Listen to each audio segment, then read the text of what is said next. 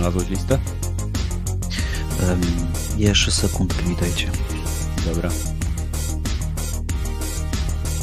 A jaka lista? Outcast to się nazywał Second Contact, ten remake? Tak, Second Contact. Wow. Dobra. E, Zaczynamy, słuchajcie. E, Witam wszystkich na 149 epizodzie Dropin Podcastu. Jesteśmy na żywo. Jest z nami dzisiaj Kiwaku, Malibu, Raptor i Rogaty. Witam panowie. Dobry Witam. wieczór. Tak, dobrze, chórem. E, Malibu jeszcze coś sobie tam działa, zaraz do nas dołączy. E, Więc e, przede wszystkim ogłoszenie przysłowiowe parafialne. Pamiętajcie, że od 3 października przesuwamy start podcastu na godzinę 20 ze względu na to, że się robi okres jesienny, robi się wcześniej ciemno. No i zazwyczaj tak robimy. Więc dlaczego by odejść od tej tradycji również w tym roku? Pamię- będzie zapowiedź, będziecie, jeżeli subskrybujecie kanał, macie pieprznięty ten dzwoneczek, to dostaniecie informację o wszystkim, co się będzie działo. Jeżeli nie, to macie szansę, żeby to zrobić. Wspierajcie nasz podcast przez łapki w górę, łapki w dół, wejdźcie na Discord, podsyłajcie pomysły na tematy.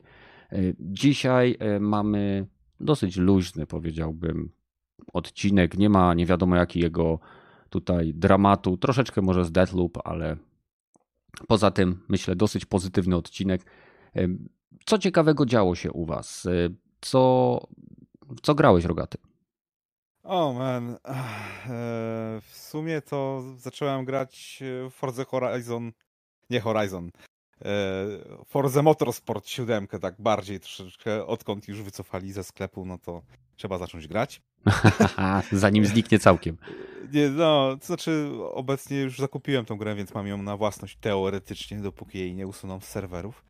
E, I naprawdę mi się podoba to, jaki rozrzut jest tych wyścigów, jakie w tych, tych kategoriach poszczególnych przygotowali. E, takie bardzo albo luzackie wyścigi, albo takie s- naprawdę pokazujące show, że e, chyba w, nie wiem, trzeci czy czwarty wyścig udało mi się tak wylosować, że wyścig, y, właściwie seria wyścigów, y, jaki samochód możesz sobie wybrać, jaki ci się podoba, nie? Mhm. No to co ja tam mam w swoim zestawie? A, Bugatti Chiron, no to bierzemy. Najmocniejszy samochód, jaki chyba się gra w grze i co pojeździłem już bardzo szybko i, i to, co się właśnie przy okazji podskoczyło, żeby y, może tak za łatwo ci idzie, to weź sobie podciągnij ten AI troszeczkę, tak gra zasugerowała i na to się zgodziłem i o, od razu na pierwszym okrążeniu było widać, że okej, trzeba już się zacząć pocić, zwłaszcza, że jak coś takiego jak McLaren cię zaczyna brać z lewej rozwala się o bandę i wyskakuje w powietrze, takie okej, okej. Czyli po- zaczyna popełnia błędy AI. Popełnia błędy AI, to naj, najbardziej roz, roz, rozwalająca mnie część, bo tam e, kiedyś, dawno, dawno temu, jeszcze chyba w Forza Horizon 3 ze mną grał trochę Pepesz i Mhm. Garot, No, no. koledzy. I ich awatary, właściwie drive awatary, nadal są tak jakby z gry na grę przenoszone. I jak widzę, że jest kurwa kierowca przede mną z nikiem Pepesz, no nie, no wpierdoli się we mnie, jak nic. No to, to stary, jeden do jednego, No, no. ładnie. Stary, poham, jak będzie mógł się po chamsku zachować, to się na to, że po chamsku zachowa. No, Odzorowanie perfekcyjne. Pozdrawiam, proszę. Czyli Pepesz wiecznie żywy jako bot w Forza Horizon. Do, dokładnie. I to też e, można tą grę traktować trochę bardziej jak symulację, jak sobie tylko powłączasz te wszystkie sym, Mhm. e, takie właśnie e, powyłączasz wszystkie pomoce i powłączasz e, pełną symulację, no to u, to, to ja już nie wiem jakby w to grać, ale ja sobie gram tak na bardzo luzackim poziomie, że mogę się odbijać od innych samochodów i dzięki temu wchodzę szybciej w zakręt, więc też Ach, też taktyka z Gran Turismo. troszeczkę. Tak, dokładnie. E, Nie wiem, co tam jeszcze wspaniałego.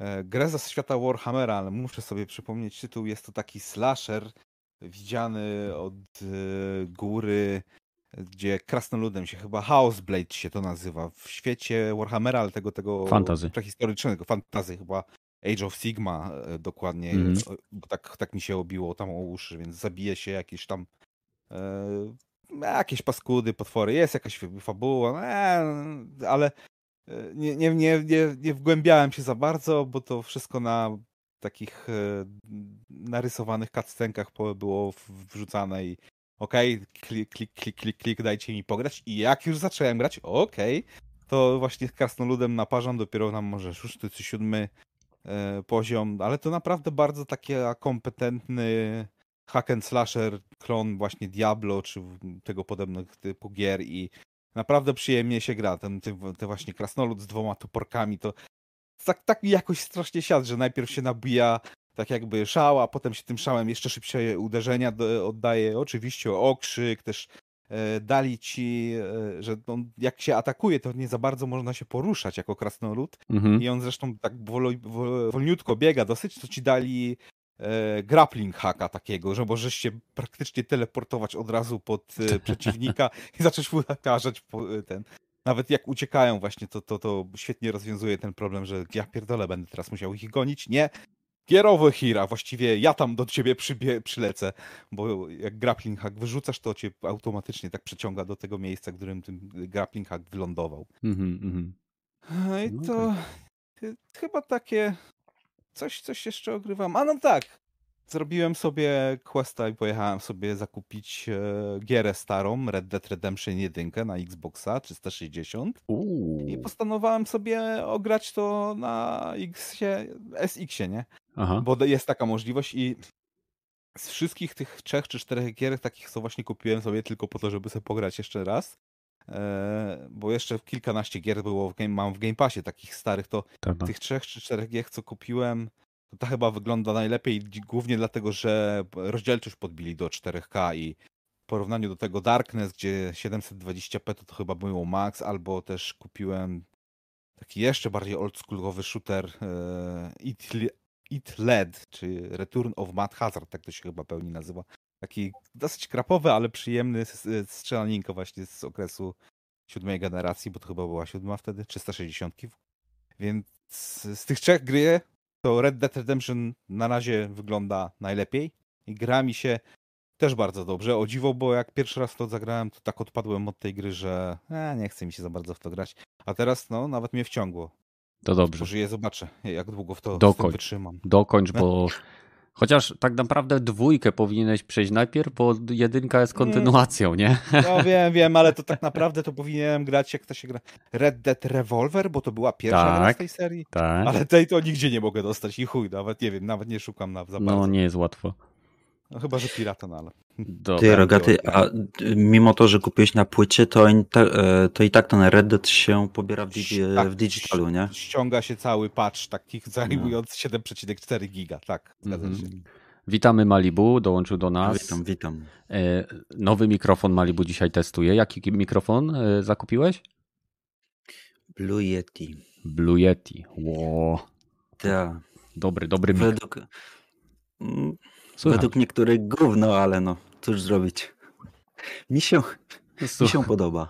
Słuchaj, y, Spełnia moje oczekiwania, nie? czysty dźwięk, dobry stosunek jakości do ceny, solidna konstrukcja i jeszcze w- wersję czarną z tego co widziałem wyhaczyłeś. Tak. Nice. E, w- jako sponsorik masz tego? wiesz co, nie, ale jak Yeti nas słucha, to nie ma sprawy. Niech, niech fundną nam e, wszystkim tutaj. E, No, ja, będziemy ja potrzebowali nie z obrażam. 10 sztuk. E, No ja też się nie obrażam. Więc jeżeli polski dystrybutor. Blue Yeti potrzebuje, e, e, że tak powiem, pogłosu, mhm, to bardzo proszę się z nami skontaktować. Mamy stały podcast, 150 odcinków, już za niedługo wpadnijcie do nas, będziecie oficjalnym sponsorem. Patrzcie, creme de la creme. Dobra, co u ciebie w ogóle, Maliło? Co u mnie? No, ym, ja jestem w oczekiwaniu na y, dzieciaka, jak ym, pewnie większość wie. Na, na Discordzie tak, na świecie niekoniecznie, teraz już wiedzą. Na świecie nie Gratulacje. No to tak, czekam na bąbelka, Mhm. za niedługo przyjdzie.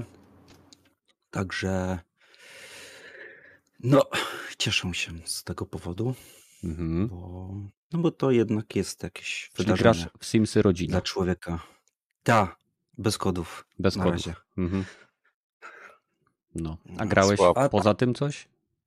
Tak, od, od jakiegoś czasu mam, mam taki ciąg do, do gierek i kończę gierkę za gierką. W sumie Mm. się tak zaczęło od, od, od, od, czekaj, muszę sobie popatrzeć na listę, bo to tak Mm, czyli grałem w Resident Evil, ale Mhm. później miałem chwilę przerwy. No, no. Zrobiłem. W sumie to tak zacząłem grać tak w ciągu od Control, którego przeszedłem całego wraz z dodatkami. Obie, o, obydwoma. Kurczę, ja nie mogę znaleźć E- czasu na dodatki. Dobre są? Pierwszy dodatek jest, jest bardzo liniowy. Aha. Znaczy, może nie jest aż tak liniowy, ale tam się nic nie dzieje. Nie ma nic specjalnego w tym dodatku. Mało Kumam. ciekawy jest. Może jest jeden wątek z. W podstawowej wersji gry jest, walczysz z lodówką. Tak Tak. Jest, jest. jest, jest, je- jest obcy byt w lodówce. Mhm. I w dodatku on się pojawia. Mhm. I jest troszeczkę rozwinięty ten wątek, ale dla mnie tak jakby nie ma zakończenia jego. Chciałbym, chciałbym, chciałbym jego więcej, bo on jest tam, nie wiem czy mówić. Nie, no nie mów, bo może ktoś Nie, będzie no, zagrał. dobra. Control jest naprawdę fenomenalnym tytułem, Bo- jeśli chodzi o podstawkę. Okej, No to z, z pierwszego dodatku, no to ten wątek jest jakby dla mnie trochę niedokończony tam, bo on jest jakby częścią tego dodatku, Mhm.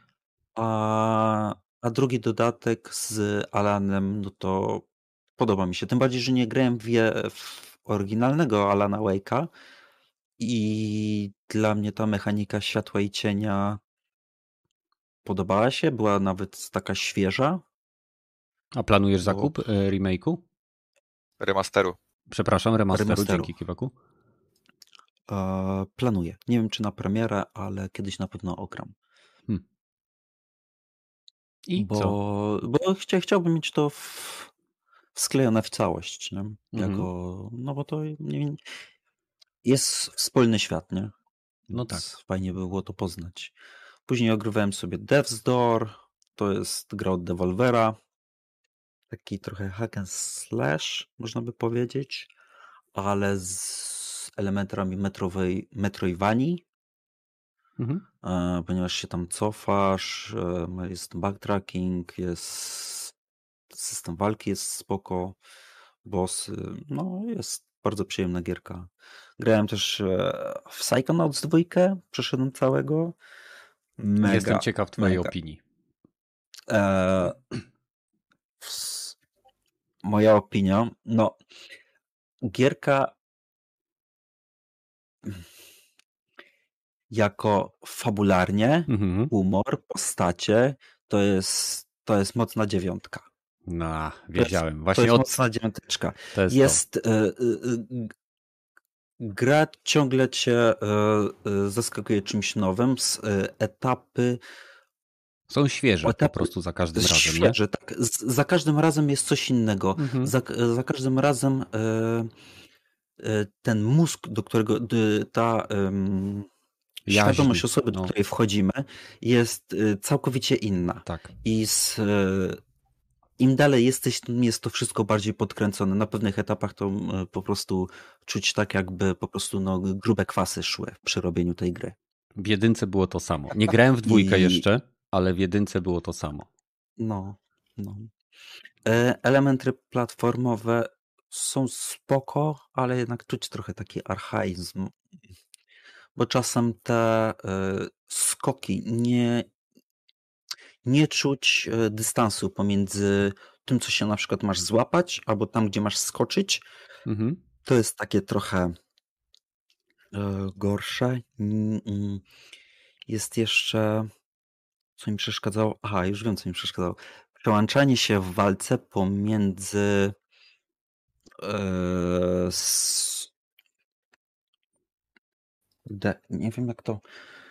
Ponieważ masz tam. e, Musisz użyć jednego przycisku, żeby wybrać też jakby drugi specjalny, tak żeby atakować. Mm, W sensie, kurwa. Rozumiem, jakaś mechanika jest po prostu niepotrzebnie Jest- skomplikowana. I jest to tak dziwnie zrobione, że wybierasz sobie. y, Musisz żonglować y, swoimi umiejętnościami podczas walki, ale jest to tak kurde dziwnie skonstruowane. Kurwa, no nie, nie, nie przygotowałem sobie tego, żeby. Bo, zapomniałem, bo już jestem e, Mhm. w następnej gierce i mi się myli. Nie no, trochę. spoko no.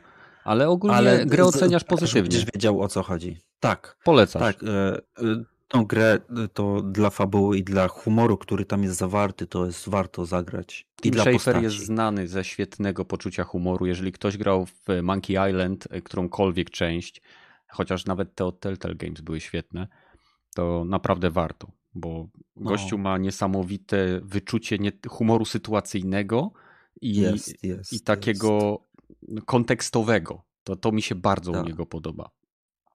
No. Jest. No, nie, no, gierka jest przednia. Mhm. Jest. A obecnie teraz ogrywam e, Immortal e, Phoenix Rising, Rising Phoenix? Phoenix, Phoenix Rising. Mhm. Phoenix Rising. Phoenix Rising, no. I jeśli e, lubicie, to jest takie połączenie Zeldy i Asasyna Tak jest. troszeczkę. Jak któreś, jakby, któregokolwiek open worlda z, od Ubisoftu, umówmy się. bo Tylko, że jest, tutaj e, jest tak przyjemnie. Tak, jest to bardzo dobrze wszystko sklecione. Mhm. Chociaż pewnie są tam jakieś elementy, które tak słabo działają, ale gorzej troszeczkę, ale jest, jest wszystko w punkt. Można się dobrze przy tym bawić, ponieważ e, no w Assassinie, jak masz, grasz w Assassina w tego open worlda, no to chodzisz, zbierasz te kropki, wszystko i to jest takie puste, bez celu trochę i tak, no nie wiem. A tutaj gdzie nie spojrzysz, masz coś, jest coś do, do eksploracji, jest coś do zobaczenia, do odgadnięcia. Gdzie nie pójdziesz, masz jakąś e, znajdźkę, gdzie, gdzie za każdą znajdźką e, jest jakaś zagadka środowiskowa, którą musisz rozwiązać. Mhm. E, czy jakieś czelusie, czy jakieś skrzynki, spo, gdzie na przykład pilnują potwory. Jest mega. Tak samo w, w, bardzo podobała mi się historia w tej grze, gdzie tam e, Zeus i Prometeusz tam Zeus ma problem z, z Tyfonem, prosi Prometeusza, żeby tam mu pomógł, nie? I tam id- idą o zakład. Mówi, żeby, mm, że pójdzie na zakład, jeśli go tam uwolni i wybierze swojego czempiona jakby do, do zrobienia tego, nie? Czyli tam człowieka. No i tam cała historia się toczy, nie? Musimy uwolnić e, bogów do pomocy w walce z tym całym tyfonem, z tym głównym złym. I, i to jest spoko. Jest, jest to bardzo takie nawiązanie do Zelda, ponieważ tak samo mamy cztery lokacje, cztery główne biomy, każdy jest inny, na każdym jest inny bóg i żeby y, y, każdy Bóg jest y, zaklęty i żeby go zdjąć z niego klątwę, musimy robić dla niego zadania. Przez to też przez to poznajemy całą historię jego, jego background, jak i w ogóle poznajemy postać, całość, całą. Przez to też wykonywając zadania, my się też czegoś uczymy, jako, jako stajemy się tym bohaterem powoli. I też co jest fajne, e, na, narrator też się uczy. Narratorem tutaj jest Mhm. głównie Zeus i Prometeusz, ale to głównie Zeus e, wyciąga wnioski ze swojego całego życia hulańczego, jakie przeprowadził, nie? Tam idzie z Hadesem, z Posejdonem i tego typu sprawy. I zaniedbywanie swoich dzieci. I po prostu przez to, że my poznajemy tych wszystkich, te jego dzieci, tych bogów, tam ma Jest Atena, jest Hades, jest Ares, jest e, Afrodyta. Poznając ich, poznajemy siebie i też Zeus po prostu wyciąga wnioski na podstawie tego całego swojego życia i tego, jak zaniedbywał je. Kuma. To jest spoko wszystko poprowadzone. Mhm. No i też każda z, kasta, każda z postaci, którą napotykamy y, z, właśnie z tych bogów jest, jest jakby przeciwieństwem, na początku jakiej poznajemy, jest przeciwieństwem tego, czym, czym ogólnie są znane. Nie? Taki Ares na przykład. Ares jest znany jako kto? Jako Bóg wojny. w, Bóg wojny, nie? Mhm. Jako odważny, taki hardy, jest y, żywy do akcji i tego typu rzeczy, nie? A Mhm. gdzie jest, prze- no jak go spotykamy, to jest jako kurczak. Pewnie Tchórzliwy bardzo agresywny kurczak. kurczak. No, tchórzliwy kurczak. A, Jest przeciwieństwem siebie, nie? A. no ciekawe. I no. Są Ciekawe. czeluści, takie jak w Zeldzie. E, tak takie szrajny, gdzie wchodzimy i wykonujemy na początku wykonujemy zagadki środowiskowe, każde, każda jest inna, więc to też jest, jest wszelaka różnorodność e, w tym, co, w tym, co robimy. W każdym mm -hmm. tym jakby shrine. Ale tak jak mówię, jest z Zeldy jest bardzo dużo zapożyczone. Niektóre elementy są gorsze, niektóre robi, robi to lepiej, tak jak e, fabułę, ale jest, jest bardzo dobre. Szkoda tylko, że ta gra została trochę pominięta, ponieważ wyszła praktycznie w tym samym okresie co Valhalla i Watch Dogsy. Mhm. I chyba jeszcze Cyberpunk wtedy też wychodził. I, I przez to miała pewnie gorszą sprzedaż, słabszy odbiór i pewnie nie dostaniemy dwójki. Chociaż kto wie, bo dostała naprawdę bardzo dobre recenzje i dobry feedback, więc. Ważne, wie. czy zarobiła. Nieważne, czy Ważne, była czy popularna. Zarobiła. Jeśli się zwróciła, no. to, to jest Ubi. Oni będą doić open worldy. No, w szczególności, że dla mnie to jest chyba ich najlepszy open world, jaki zrobili. Bo hmm.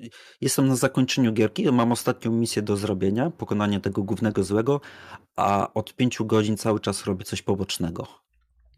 No, Więc... dla niektórych byłoby to dobre, dla innych y, by może wiesz, się znudzili. Mhm. No, no, no ale okej, okay, dzięki.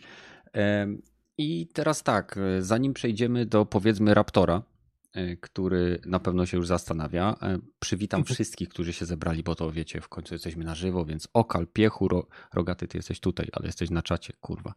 Czytam jak tryb ameba po prostu. Okal, Piechu, Denil, Michał, Kuźwa, Gadki. Malibu, masz dwie ksywki o. różne.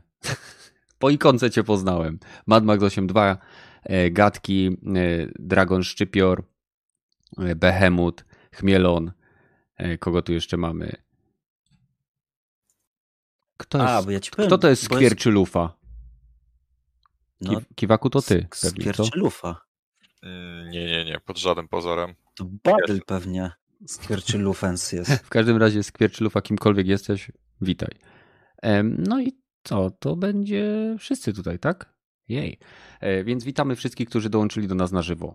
E, pamiętajcie, jeśli słuchacie nas offline, po prostu wpadnijcie do nas. Ej, 8mix Siemka się odezwał, żeby zostać przywitanym. Odzywaj się częściej, stary. Więc e, przechodzimy teraz do Raptora. Co u ciebie było w minionym tygodniu? W co grałeś? W co chciałbyś zagrać? A... I o czym nam jeszcze powiesz ciekawym? A w co chciałbym zagrać? No, być może chciałbym zagrać w tego nowego MMO od Amazona, bo pograłem trochę w betę i aż trochę głupio się przyznać, bo nawet mi się to podoba.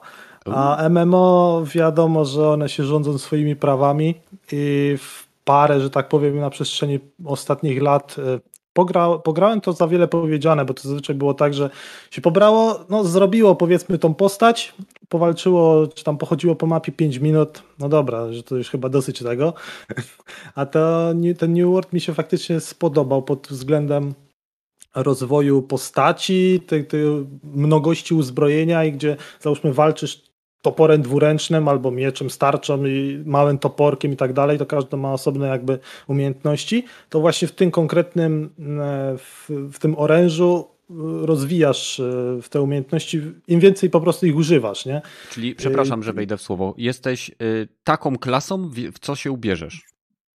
No, coś takiego, tak. Bardzo definiujesz tą klasę poprzez to, co używasz tak naprawdę. I im więcej mhm. będziesz używał topora podoba dwuręcznego, tym będziesz właśnie. I to też mi się bardzo podoba pod względem budowania postaci. Mhm. No i w zasadzie ze względu na to, że no, tym bardziej, że Battlefield przesunięty. To ja nie wiem, czy się na tą gierkę nie skuszę, bo ona już wychodzi niedługo, a prawdę powiedziawszy, to ostatnio tak trochę, no nie za wiele mam w co grać. Niby wiadomo, tych gier jest mnóstwo, E, I czy to Game Pass, czy no na Steamie, to tam akurat nie mam zbyt bogatej biblioteki, bo jestem tutaj niedługo, ale jednak kurczę, patrzę na to wszystko, przeglądam i widzisz, wiesz, te setki gier i po prostu nie masz w co grać. Akurat ale tak lubisz by... PvP, nie? Bo e... New World jest ponoć mocno PvP. E, ale PvE też, nie? No bo tam jest też fabuła, to też jest spoko jak na MMO, to tym bardziej jak na polskie warunki, że tam masz nie tylko na przykład lokalizację, ale masz normalnie e, pełną lokalizację, w sensie normalnie możesz powiedzmy przechodzić fabułę i masz wszystkie dialogi do, do tych okay. postaci, co przyjmujesz po polsku, nie? Więc można nawet się powiedzmy skupić na fabule. Ale no tak to po prostu sobie, wiesz, bić te mopki, jakoś tam rozwijać tą postać. No PvP, no nie grałem w becie, nie? Nie wiem, czy tam była taka jest, możliwość, czy nie. Jest cena już na to? 148 zł, no 150 zł. A to jest tylko kupujesz i to jest bez abonamentu? To jest pay to play? Y, tak, to kupujesz i to jest bez abonamentu. A, czyli jak w chwili obecnej y, Elder Scrolls Online, czyli kupujesz podstawkę no. i później będą sprzedawać dodatki pewnie. Być może, być może. No jest tam, są tam dwie wersje, standardowa właśnie za 150 i chyba za 170 czy 80 jakaś tam, wiesz, dodatkowy skin czy jakieś inne mm, cholerstwo. Jakieś pierdoły. A, tak. A z, z takich gier, co faktycznie grałem, a w zasadzie no, w ostatnim, w minionym tygodniu to w zasadzie prawie w ogóle nie grałem, to jest Aragami dwójka. To pograłem, no, może z trzy godzinki. To jest no, nowa pozycja w, w Game Passie. I problem z tą gierką mam taki, że no pograłem te trzy, może trzy godziny, ale powiedziałbym, że po godzinie znasz już tą grę doskonale, czy inaczej, widziałeś już wszystko, ale tak naprawdę mam wrażenie, że chyba po jakichś 20 minutach ty już widziałeś wszystko w tej grze. Mhm.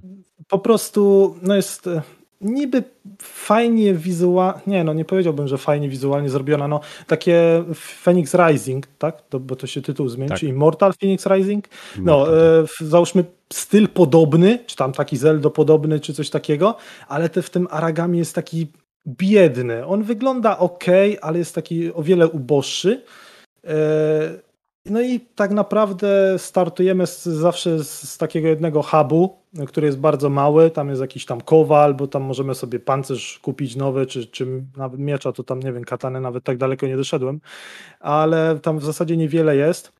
Startujesz misję z tego hubu i masz bardzo małe lokacje, y, które, tak jak zaznaczyłem, są bardzo dosyć biedne wizualnie i możesz w zasadzie przechodzić tą grę na dwa sposoby, czyli albo zabijasz wszystkich przeciwników, no, no nie musisz wszystkich, którzy stoją tam no, na, na twojej drodze do celu, czyli musisz tam zabić kogoś albo e, zazwyczaj chyba tylko zabić kogoś.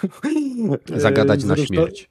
Tak, różnorodność jest bardzo mała. No, czasami musisz coś podsłuchać, ale nawet nie musisz z jakimś iść, iść śledzić, jak w Assassinie czy coś, tylko po prostu klikasz, żeby podsłuchać, bo tam też nie ma pełnych dialogów nawet nagranych, tylko napisy. I po prostu mija parę sekund, okej, okay, okay, już wszystko wiesz, możesz wykonać tą misję. I w sensie możesz albo wszystkich zabić, albo robić to po cichu bez zabijania, czy tam no, możesz ich ogłuszać, załóżmy. I jedyny fajny element, który mi się naprawdę podoba, to jest e, to takie granie na pałę, gdzie walka faktycznie może dawać jakąś tam radochę. Fajnie to po prostu wizualnie wygląda.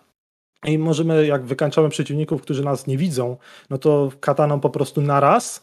E, a jeśli nas zauważą, to mamy coś pokroju tryb walki jak z For Honor. Przełącza nam się jakby taki tryb PvP bardziej, mogą, może nas zaatakować większa ilość przeciwników, ale wtedy już jest, no ciężko się robi. Najlepiej walczyć z jednym naraz tylko i wtedy, mm, tylko że nie, nie, nie, nie, sterujemy też orężem z jakiego kierunku może paść cios, tylko bardziej oparujemy na uniku, na takim daszu, no, no na bloku y, i na, na zwykłym ataku, gdzie w, też nie musimy jakoś za wiele tych ataków wykonać, bo no, jeśli ostrzem dobrze trafimy, no to w zasadzie tymi dwoma, trzema cięciami jesteśmy przeciwnika w stanie powalić.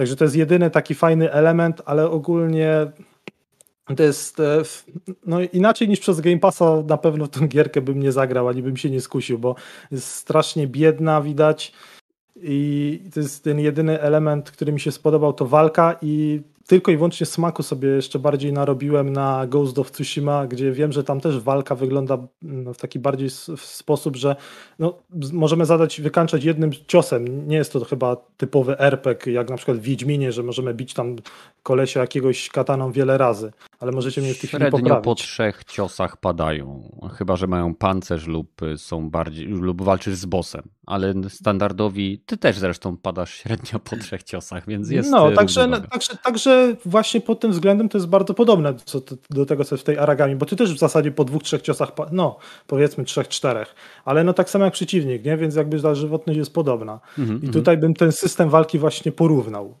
Plus do tego to troszeczkę jak ta kamera się, co się przełącza, jak już w, jak jesteśmy w walce, jak nas wykryją, do tego co z For Honor, to mam takie, takie skojarzenia. Mhm, A kumam. poza tym, jeśli chodzi o gry, to już w zasadzie nic nie było. Bardziej serialowo wyglądał ten mój miniony tydzień, gdzie w końcu dokończyłem czwarty sezon Castlevanii, który ogólnie mi się bardzo podobał, tym bardziej, że jednak po pierwszym genialnym, później był jedna troszeczkę spadek formy, moim zdaniem. Ten drugi, trzeci to już nie było to. A czwarty no, był przepełniony najróżniejszymi rzeczami, było tam akcji sporo i tak dalej, ale no, wydaje mi się, że poziom tam by- był jednak podniesiony względem trzeciego, więc super. E, Poza tym obejrzałem trzeci sezon e, Seks Edukacji i dodatkowo jeszcze e, a, takie jedno, no co prawda świetne anime, ale nie wiem, czy kogokolwiek by to tutaj interesowało. Sam zresztą oglądam bardzo niewiele tego, tego typu rzeczy, w zasadzie przez całe życie to kilkanaście tylko obejrzałem ale to no, jest na tyle dobre, na tak fajnie mi się, na tyle ciekawe mi się wydawało, że no, musiałem to obejrzeć, bo i wizualnie świetnie wygląda i ma zresztą strasznie podobny koncept, yy, hmm, no podobny to może nie, ale w, mam też również chęć przez to anime na Detroit Become Human, bo tam też jest również nacisk e, na SI, Ale na apokalipsę Ale świata, jakie anime, jaki tytuł? Sorry. Nie powiedziałeś. Vivi. Aha. Jak Vivi- i Tak, V i V Y. V i V Y to anime, jak wpiszesz. To jest w zasadzie nowe, Mhm. nowa rzecz, bo 2021. No, no, wizualnie wygląda świetnie. E, No, historia też jest bardzo dobra. E, i Nie jest jakaś tam banalna jest i emocjonalna i naprawdę dobrze napisana, bo mamy też elementy, powiedzmy, podróży w czasie.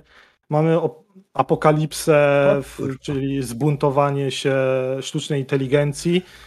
No, dobra rzecz, naprawdę. Tym bardziej, że to jest y, tylko jeden sezon, nie? Nie, że tam wiadomo, to jest jakiś tasiemy czy coś takiego, tylko ja zresztą ogólnie o wiele bardziej wolę skupiać się na filmach animowanych, czy tam to będzie anime, czy filmy animowane, y, typowo na filmach, nie? W sensie tam półtora godziny czy dwie godziny, a serialów to w zasadzie, no, to jest mój drugi chyba serial anime, co w życiu obejrzałem, ale w, no, dlatego no, skusił mnie, no, no wiadomo, na, na początku ze względu na wizualia, ale no historia również zajebiście mm, trzyma tutaj Chcesz poziom. wizualia i spoko poziom fabularny, to zacznij oglądać sobie na Netflixie anime z, z, ze studia Ghibli.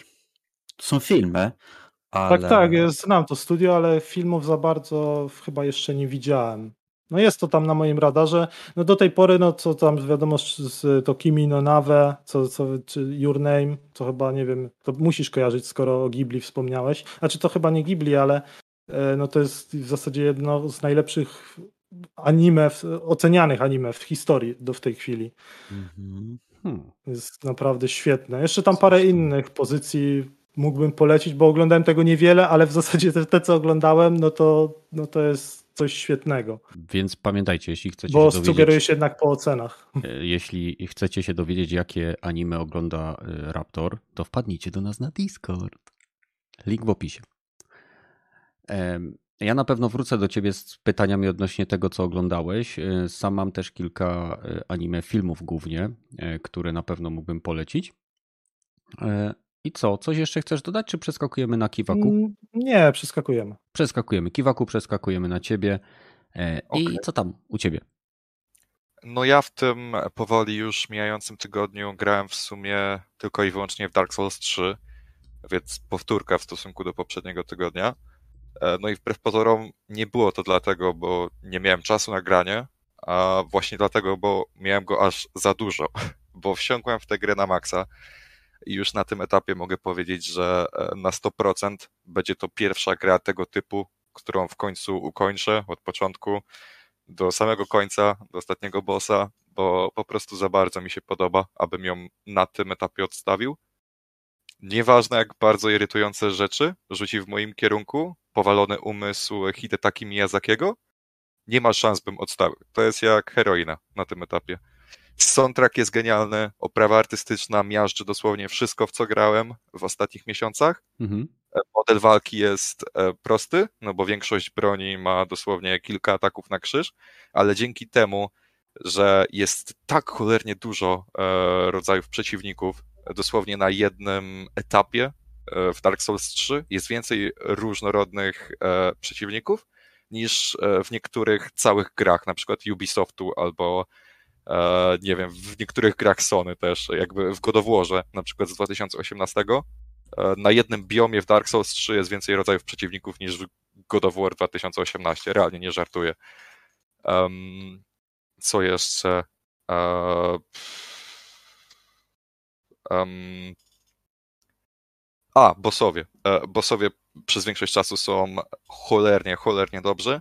E, no jedyny problem jest tylko i wyłącznie taki, że krzywa poziomu trudności na niektórych etapach jest um, strasznie dziwna. E, aktualnie mam za sobą 8 bossów, czyli skończyłem jakieś, nie wiem, 40% gry, e, powiedzmy. E, no i przeskok pomiędzy niektórymi właśnie bossami jest strasznie duży. Na przykład siódmego bossa zabiłem za drugim razem. No a pamiętajmy, ja nie jestem dobry w tego typu gry. To jest realnie pierwsza, w którą realnie wsiąkłem. Z kolei z ósmym bossem E, no męczyłem się ponad godzinę. Tak długo, że nie liczyłem nawet już, które to jest podejście, więc e, tak.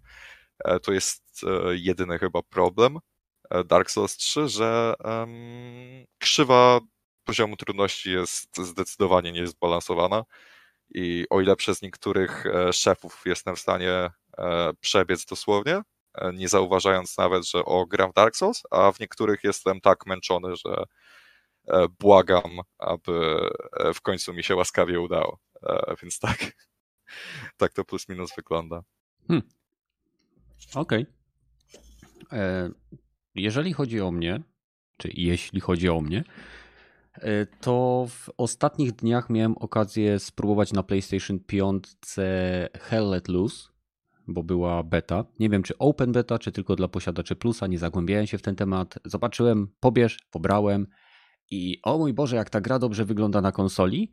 I o mój Boże, ile muszą jeszcze popracować nad optymalizacją, bo o ile trzyma 60 klatek, wygląda y, naprawdę bardzo dobrze ten tytuł. Na pewno lepiej na PC, ale wygląda naprawdę bardzo dobrze y, na konsoli. To w momencie, kiedy dochodzi się do takich punktów y, spornych między dwoma drużynami, i widać te dziesiątki żołnierzy, które zbiegają po, nie wiem, po zboczu, żeby próbować zdobyć jakiś punkt umocnień, E, gdzieś tam, nie wiem, przy jakiejś rzece, jakiś bunkier, to jeżeli dojdą do tego jeszcze jakieś eksplozje, to potrafi troszeczkę chrupnąć i to musi być wyrównane, ale gierka jest fenomenalna.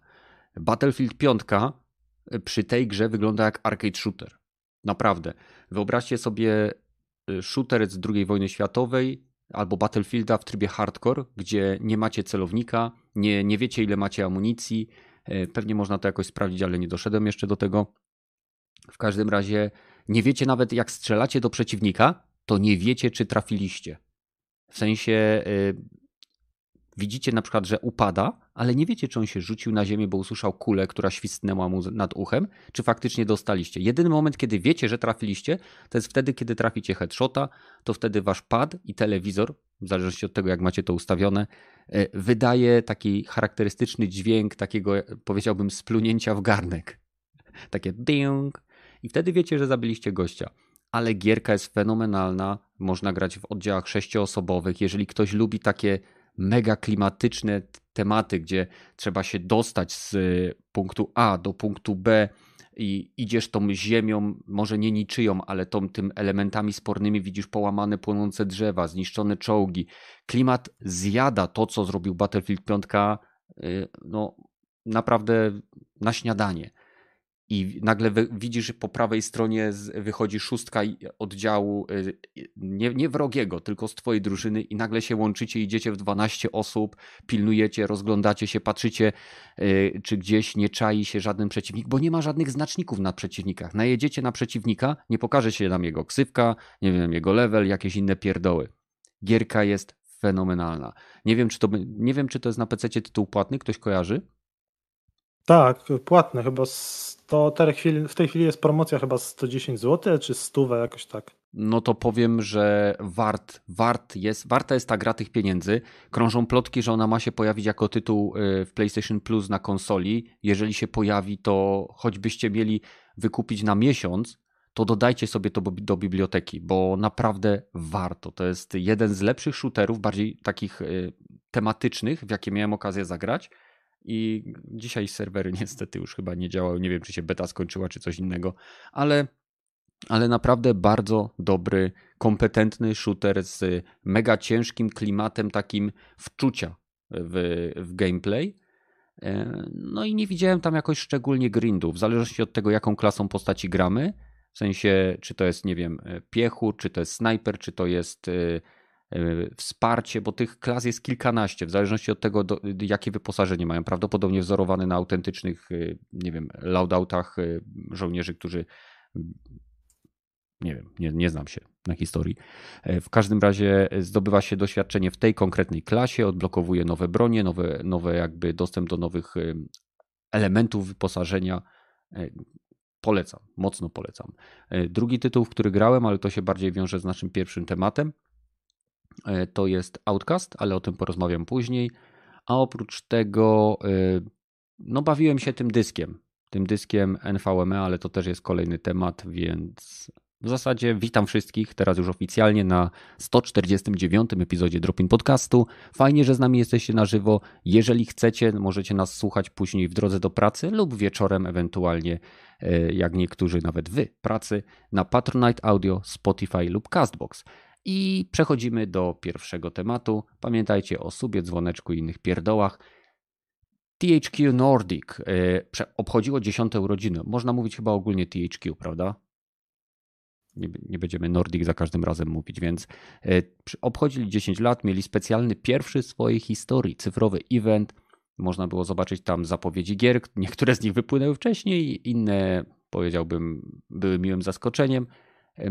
Co sądzicie o, o tym, co pokazali? Czy jakieś gry z tego eventu, takiego powiedziałbym, to, to wyglądało troszkę jak State of Play dla mnie, tylko y, multiplatformowe. Co, coś Wam się spodobało, coś zwróciło Waszą uwagę?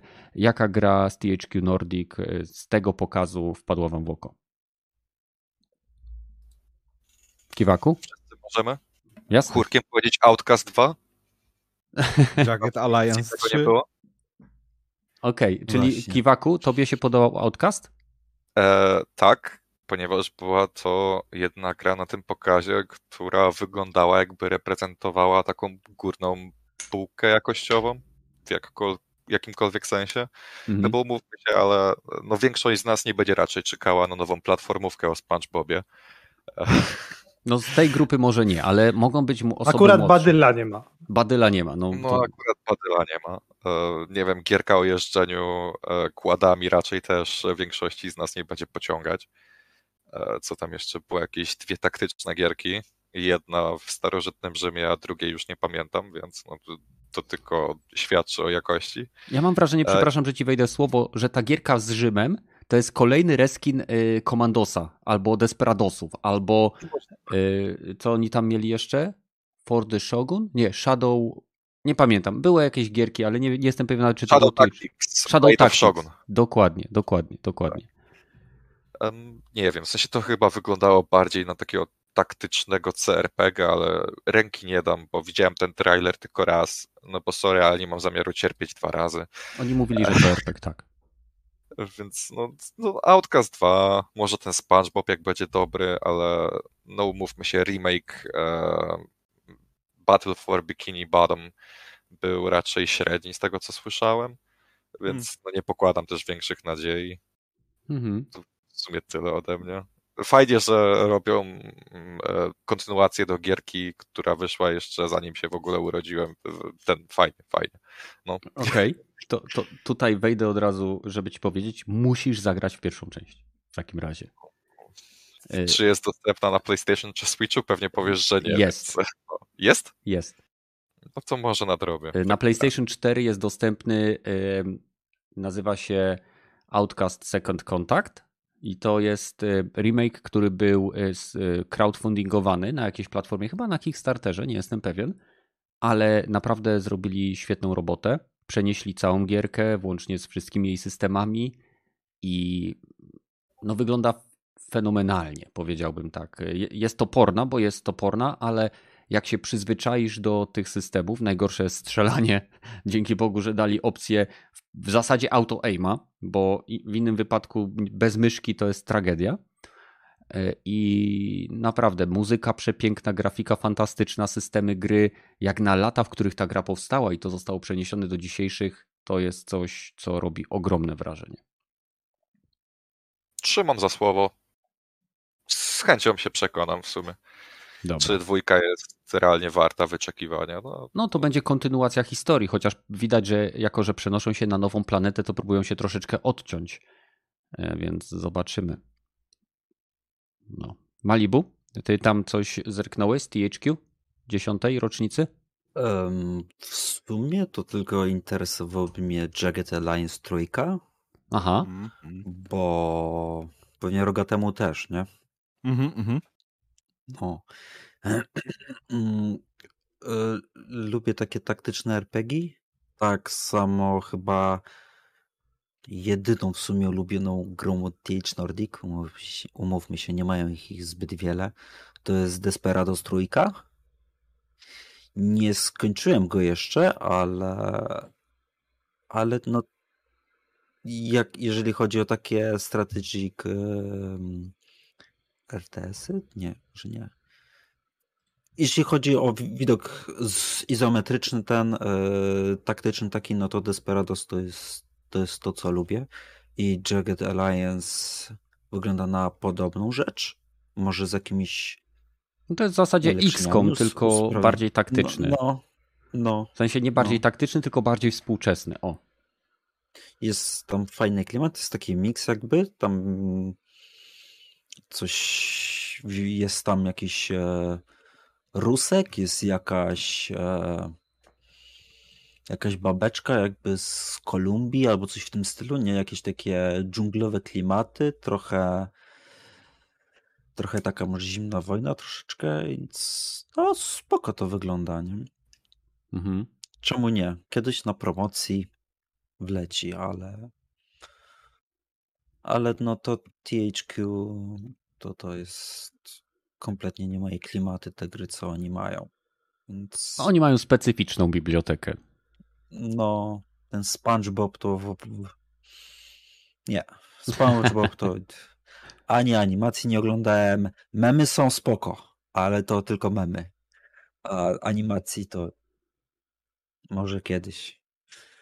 Ale no, nawet, nawet dla dziecka bym chyba tego nie opuszczał, bo to jest Bardziej chyba dla dorosłych, nie? Nie. Nie, ja gdzie? Jest dużo podtekstów i insynuacji oraz odniesień do rzeczywistego świata, bo to jest taka parodia. No dobra, ale dziecko tego nie zrozumie i dopiero po 10 latach sobie to obejrzy i a. Coś jak South Park, nie? No, nie no, South, Park nie jest, jest dla dzieci. Nie, nie, nie, South Park nie jest dla dzieci pod żadnym pozorem. No. No, okej. Okay. No, no, tak to no nie, nawet ten Outcast. E, tak przeglądam sobie ten zwiastun, tak. No nie wiem. To będzie trzecia osobówka, nie? Tak, tak. to jest y, trzecia osoba. Generalnie Outcast się dzieje w otwartym świecie. Y, jest y, taki, forma gry jest bardzo otwarta, czyli masz zazwyczaj zadania, które dostajesz, ale sposób w jaki je wykonasz zależy od, od ciebie bardzo często też Twoje poczynania wpływają na to, jak y, natywni mieszkańcy y, podchodzą do Ciebie. Czyli no jest wiele, tak jak mówię, złożonych systemów, które ta gra ma i miała 20 mhm. lat temu. I to jest najbardziej imponujące, że takie rzeczy, które na przykład w Red Dead Redemption 2 czy 1 robiły na ludziach wrażenie, to Outcast pewne nasiona tych rzeczy, pewne takie. Czekajcie, bo pewnie mnie przerwało na chwileczkę. Coś było. No. Ale to tylko u Was, bo transmisja idzie bezpośrednio z mikrofonu do tego, także widzowie nas słyszą. Już, już, już zamykam, bo miałem otwartą y, stronkę z. O, wróciło. Więc tak jak mówiłem, Outcast ma bardzo wiele takich systemów, które mocno zostały rozwinięte w grach bardziej współczesnych, ale gra przetarła też wiele, może nie przetarła, ale połączyła bardzo wiele ciekawych systemów w jeden dobrze działający mechanizm. Okay. No, musiałbym więcej zobaczyć, mhm. bo Tutaj tak naprawdę nic takiego nie pokazali na tym trailerze ich. Dopiero na sam koniec się jakaś postać pojawia, cokolwiek, a tak to... Chyba, że jest jakiś extended trailer albo coś Jest gameplay, gameplay pokazany jakiś. później. Jest e, trailer, a później jest gameplay pokazany. Jest chyba okay, dwuminutowy gameplay. Dobra. Okej, okay, dobra. To sobie muszę zobaczyć, bo tak e... to... Trzeba też pamiętać, że w e, Outcaście została stworzona cała mitologia i cały, cała historia tego świata, w którym to się dzieje. To jest troszeczkę tak jak goście od Elder Scrolls mają ileś tam tysięcy lat loru opisanego dla tego świata. W przypadku Outcasta również y, mamy bardzo dokładnie opisane rasy, bóstwa, język tych istot i tak dalej, i tak dalej. Więc to jest taki bardzo kompetentny świat.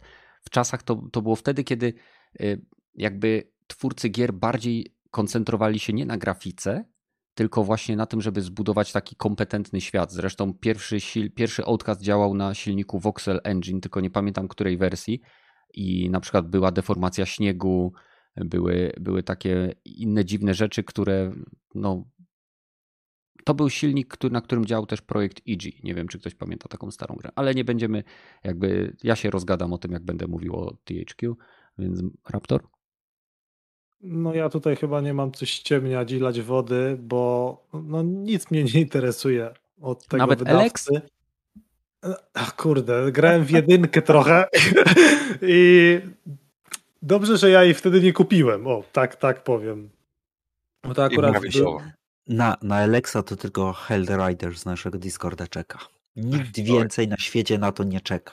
Oprócz Nie, ja, ja, ja po, prostu, po prostu przy, dzięki tam kumplowi sobie zagrałem chwilę w tego Alexa i nie, to jest dla mnie grało się tam wiadomo ileś tam lat temu w takiego Gotika trójkę, czy no w dwójkę też coś tam chwilę, ale jedynka, dwójka Gotik to dla mnie już lata temu były niegrywalne. E, ale w, no jakby te, te, ten Alex wciąż jakby na stosunkowo no, nową grę był tak drewniany, że to, to nie mogło to, to nie mogłem tego jakoś trochę przełknąć. E, I no i jak tutaj też patrzę na te kilka w zasadzie gier z tego ich wydarzenia, no to, to nie oszukujmy się, to też nie jest jakiś wielki deweloper czy wydawca bardziej, no to to kompletnie nic mnie nie interesuje. I więc tutaj chyba śmiało mogę oddać głos dalej. Rogaty, więc oddajemy głos tobie. Komu? Rogaty, rogaty, rogaty. Och, dziękuję, dziękuję. Eee, w sumie, a ja będę tak innego oczywiście zdania, bo mi się podobała. Konferencja była dobra, oglądałem live'a, e, ten, no, papież Dorito i Mountain Dew. Ale bardzo sztucznie, bardzo sztucznie tym razem, nie? Tak widać, że kazali mu to no, przeczytać i tak... E, nie. No, no nie, no fajnie to wyglądało, bo tak jak za kamery chyba celowali w niego bronią, albo dobra, trzeba to zrobić, dostałem tak mało kasy, ale kasa to kasa, więc odwalamy to, ale nie, tak jak mówiłem, on jest bardzo kompetentny i umie e, poprowadzić na tyle dobrze konferencję i za, zawrać, zawrzeć tyle informacji w tych swoich bełkocie, że jest, jest wiadomo, co się dostaje. E, I właśnie e, mi się podobały trailery z tego, bo trailer tego Destroy All Human 2 e, opowiadany, narracja przez jakiegoś takiego e, z mocno najarnego gościa z lat 70. Tak. Taki przynajmniej miałem wrażenie. Bardzo świetnie kontrastowało do tego, co jest pokazywane na ekranie, że tam jako ten obcy rozwala się całe Kalifornię, zniewala się ludzi i tym podobne bzdury się robi.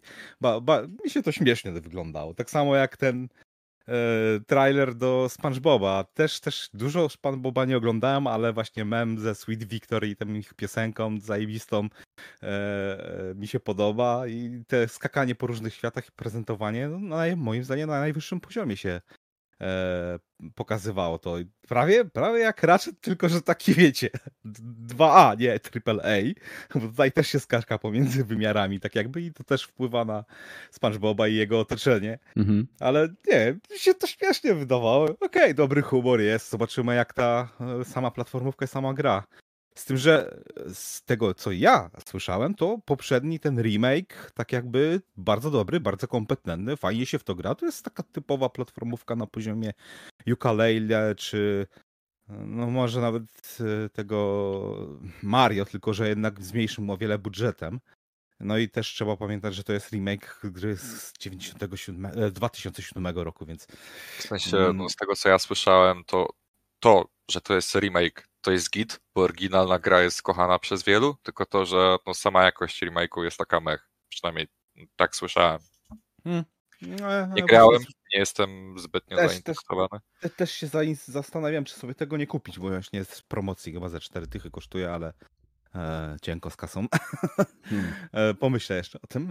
Tym bardziej, że e, właśnie też o, zainteresowanie wzrosło moim tym, tym Psychonauts z dwójką, po, po, po tym, co usłyszałem już. Więc ma, też na Game Passie mam, więc też czeka już zainstalowane, tylko muszę się za to wziąć, ale wiecie, po kolei gry muszę tak.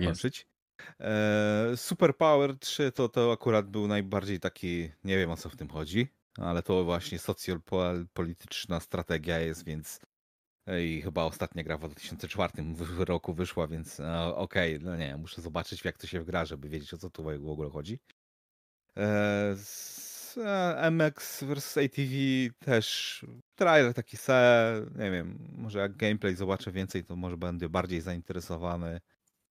E, ale to też trzeba pamiętać, że to są gry takie double A, więc e, fakt faktem, że wychodzą też na, na nową generację, obecną generację i jednak no, odstają od, od tego, co prezentuje nawet Ubisoft.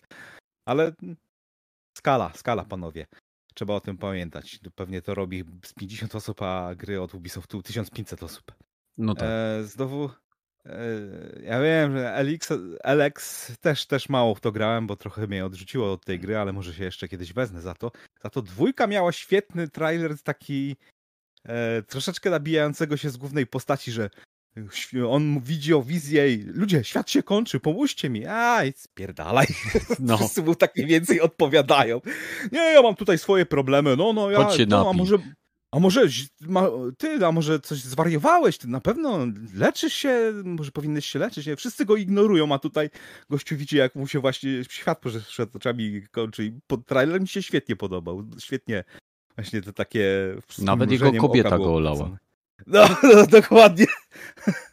A on tam biedny spada, walczy z potworami jakimiś, próbuje jakieś plemiona poprzekonywać jeszcze, frakcje o, pogodzić. Sprzedać ci no. spoiler twist, który mhm. zauważyłem na podstawie trailera. W trailerze jest bardzo wyraźnie pokazane, że jedna z bestii gryzie go w rękę. Nie? A, A na samym no. końcu y, z, z lasu wychodzi gość, który ma dokładnie tą samą rękę, tylko że y, Jestem przekonany, mm. że to jest foreshadowing tego, że tak naprawdę on będzie gadał ze, ze samym sobą z przyszłości, bo to jest będzie jedyna osoba, która go zrozumie. A, okej, okay. ciekawa, ciekawa teoria. Podoba mi się. Nie, ta, ta, ten, tych, tych strategia, czy to, to, to ma być jakiś e, open world CRPG, ten, ten, co się w Rzymie, e, Expedition Rom nazywa to się, mm. to, to, co się w Rzymie dzieje nie, mi się to ciekawie wygląda, no. ale musiałbym właśnie pograć w to, żeby. Czy, czy, to, czy to mi sądzi, bo. bo... Nie wiem, nie, mi to przy, przypominało Komandosa, tylko oni mówią, że to jest RPG. Więc... No bo tam chyba otwarty świat, bardziej właśnie e, Baldur's Gate'a to właśnie chyba ma przypominać niż, niż Komandosa, tak mi się wydaje. No nie? bo to, tam masz wybór dialogów. Jest wybór dialogów i konsekwencje. Jest wybór dialogów, nie? No, no, no tak, tak. Można zostawić tam kogoś przy życiu albo go zabić. No to to zobaczymy, bo tak naprawdę. E, sorry, ale w Mass Effectie też mieliśmy wiele wyborów. Więc... No, o, o Outcastie już mówiliśmy. To Mhm. chyba wszystko, co oni tam pokazali na tym swoim No to- konferencji. Nie no, zapomniałeś o gierce, w której jeździsz kładem? Come Mówił. on. To, to mówiłem o M, MX versus ATV. To tak się nazywa. A, Legends. dobra, to sorry, to nawet nie wiedziałem jak to się a. nazywa. Przepraszam, przepraszam. No, wybaczone. Y, Jeśli chodzi o mnie, to z całej tej y, transmisji, z całego tego eventu, tak naprawdę Outcast mnie zainteresował i Destroy All Humans 2. Przyznam szczerze, że nie grałem w Destroy All Humans 1, ale widziałem trailer, gdzie ten obcy śpiewa do Rammstein We All Live in America. I widziałem, tak. i widziałem gameplay. I to mi wystarczy. I Ja mam ochotę teraz zagrać w remake jedynki, choćby był mech. Bo to jest gierka, która y, tak naprawdę jest. Y, nie wiem, czy to jest otwarty świat, ale mamy misję, gdzie rozpieprzamy wszystko, robimy co chcemy. Więc y, trudno spodziewać się nie wiadomo czego z gierki z przed tylu lat, zwłaszcza, że to jest remake. Y, fajnie, że nie wiem, czy w tej części w dwójce dodali dopiero jetpack, czy w jedynce też dodali jetpack, który był w dwójce. Nie jestem pewien, ale wiem, że były jakieś tam drobne usprawnienia. Jeśli natomiast chodzi o Outcasta, to y, gameplay mi się podobał, to co pokazali. Oczekuję, że poprawią zdecydowanie, poprawią samo strzelanie i że zostawią samą koncepcję funkcjonowania tej gry, czyli to nadal będzie duży, otwarty świat, gdzie będziemy mieli te y, Dokai, czy Daokai się nazywają takie portale jak Gwiezdne Wrota, gdzie przechodzimy między lokacjami i możemy w dowolnym momencie iść gdzie chcemy, wykonywać zadania w dowolnej kolejności jakiej, jakiej chcemy, w sposób jaki nam odpowiada w ramach systemów, które gra oferuje. I po prostu najbardziej by mi zależało, żeby poprawili AI, bo AI już w tej grze, w tym remake'u jest na przykład na tyle dobre, że kiedy rozpoczynamy walkę z przeciwnikami, oni najpierw uciekają i chowają się za różnymi przeszkodami. Problem polega na tym, że chowa się gościu za przeszkodą, a później nie, nie jest świadom tego, że przeszkoda i tak zasłania mnie i próbuje strzelać i strzela w beczkę, za którą stoi, więc och, no, stara gra. Więc to jest jedna gierka, która na pewno mnie zainteresowała. No i Jag- Jagged Alliance nigdy nie grałem w tą serię. Bardzo mi się podoba, ale w chwili obecnej o wiele bardziej czekam na projekt Phoenix w wersji konsolowej. Tak jak wiecie, na PC gram bardzo mało. Jedyna gierka, która teraz ciągnie mnie mocno do PC, ale nie mam czasu, żeby w nią zagrać, to jest właśnie Psychonauts 2. Star Citizen. E, Na moim laptopie. Przepraszam, bo się posmarkam. E, Ale nie, nie. Cieszę się, że THQ Nordic, mimo tego, że nie jest największym wydawcą e, na planecie, tak? Ubisoft Activision, EA zdecydowanie jest większy niż, niż THQ Nordic, to podoba mi się, że THQ Nordic sięga po gatunki, tytuły i e, jakby produkcje, które nie muszą być AAA, ale często, nie zawsze, ale często nadrabiają gameplayem. Ich y, gierki z świata Warhammera, y, wiele z tych tytułów bawiłem się świetnie. Głównie dlatego, że jak to się mówiły, jak to się mówi, oddawały sprawiedliwość materiałowi źródłowemu. Tak? Czy były po prostu dobrze oddanym materiałem źródłowym. I jeżeli chcielibyście zagrać w jakieś gierki z THQ, to na pewno zwłaszcza jeżeli nie lubicie takich, y, powiedziałbym, masówek, to znajdziecie tam coś dla siebie. Być może to nie będzie tak, jak y, Rogaty wspomniał, AAA, ale w wielu przypadkach będą to naprawdę przyjemne produkcje. Co Troszeczkę, dla mnie THQ jest troszeczkę jak, jak taki bardziej grzeczny Devolver. Oni mają taką swoją, swój, swój klimat, swoje, swoje niszowe produkty i robią to, co robią. Najwyraźniej wystarcza to, aby się utrzymali, no bo nadal wydają SpongeBoby, nadal wydają te remake'i i, i zarabiają. A e, skoro już jesteśmy e, w ogóle przy tym pokazie, to nie wiem, czy widzieliście wyciekły gameplay z nowego Saint Row. E, I to powiedziałbym dosyć brutalnie nagrany gameplay, bo tam gość, który to nagrał, nawet nieszczególnie miło odnosi się do THQ. I z tego co widziałem, gierka A, a, wygląda Silver. zajebiście. Słucham? Do Deep Silver. Deep Silver? Ale To zaraz. było chyba Fuck Deep Silver. A, tak, pamiętam. tak, tak. Ale THQ wydaje e, ten. No w sensie to jest chyba wspólny byt na tym etapie. No właśnie to jest dziwne, jeśli chodzi o e, Deep Silver i THQ. Jest wiele tytułów, takich jak na przykład Metro 2033, które w niektórych regionach było wydawane przez Deep Silver, a w innych regionach przez THQ, więc Trudno. W każdym razie gameplay wyglądał fajnie, gierka wygląda ciekawie i nie wiem, tylko ja miałem takie wrażenie, że odchodzi troszeczkę od takiego over the top, takiego zachowania tych postaci. Nie wiem, czy próbuje wylądować w bardziej takim realistycznym miejscu. Widzieliście to w ogóle? No, ja troszeczkę oglądałem. I co? Co no, sądzisz? E, no właśnie rozumiem, dlaczego nie robią dokładnie tego samego, ale kierunek, do który teraz się tak jakby przesunęli, nie do końca do mnie trafia jeszcze. Jakoś nie widzę takiego e, no bo Saint Rose, zwłaszcza 3-4 ten Escape, God Escape, czy jakiś ten... Escape from nazywał. Hell? Escape from Hell, czy jakoś tak to się nazywało rzeczywiście, mhm. to, to był produkt lat e, tak 2010 max moim zdaniem i, i najbardziej patrzenie nam właśnie takie e, no straszna ironia na, na amerykański świat e, patrzenia. Tutaj jest, no niby masz rację, trochę bardziej poważnie, ale ja tego poważnie i tak nie, nie, nigdy nie traktowałem zupełnie, więc e, no nie trafia to jeszcze do mnie za bardzo. No, cała reszta świat, gameplay wygląda ok, nie? Fajnie, że to takie otwarte bardziej jest niż, niż kolejne takie upchane miasto na trzech, e, na, na trzech wyspach, jak to zawsze prawie było, ale mhm. oby było co ciekawego do robienia, oprócz tego, że to jest otwarty świat, nie? No tak. Okej. Okay. To jest Deep, Deep Silver jest wydawcą tego nowego Saints Row. Jeśli no ja właśnie teraz ogarnąłem i oni wszyscy są częścią holdingu Embracer Group. W sensie Deep Silver jest częścią e, Koch Media, mhm. Koch Media jest częścią Embracer Group i Embracer Group posiada zarówno Koch Media, jak i THQ. E, więc to jest. Czyli e... powiedziałbym, że trafiliśmy kamieniem w parking, na którym stoją samochody ludzi, którzy pracują w tych firmach. E, no, w sensie trafiając w jeden samochód, odpaliły się alarmy we wszystkich. Mhm. Tak bym powiedział. No. Okej, okay. no to słuchajcie, jakbyście chcieli nam powiedzieć e, odnośnie rzeczy, do których e, mówimy, o których mówimy bzdury lub się mylimy, mamy specjalny pokoik na naszym Discordzie, nazywa się Feedback.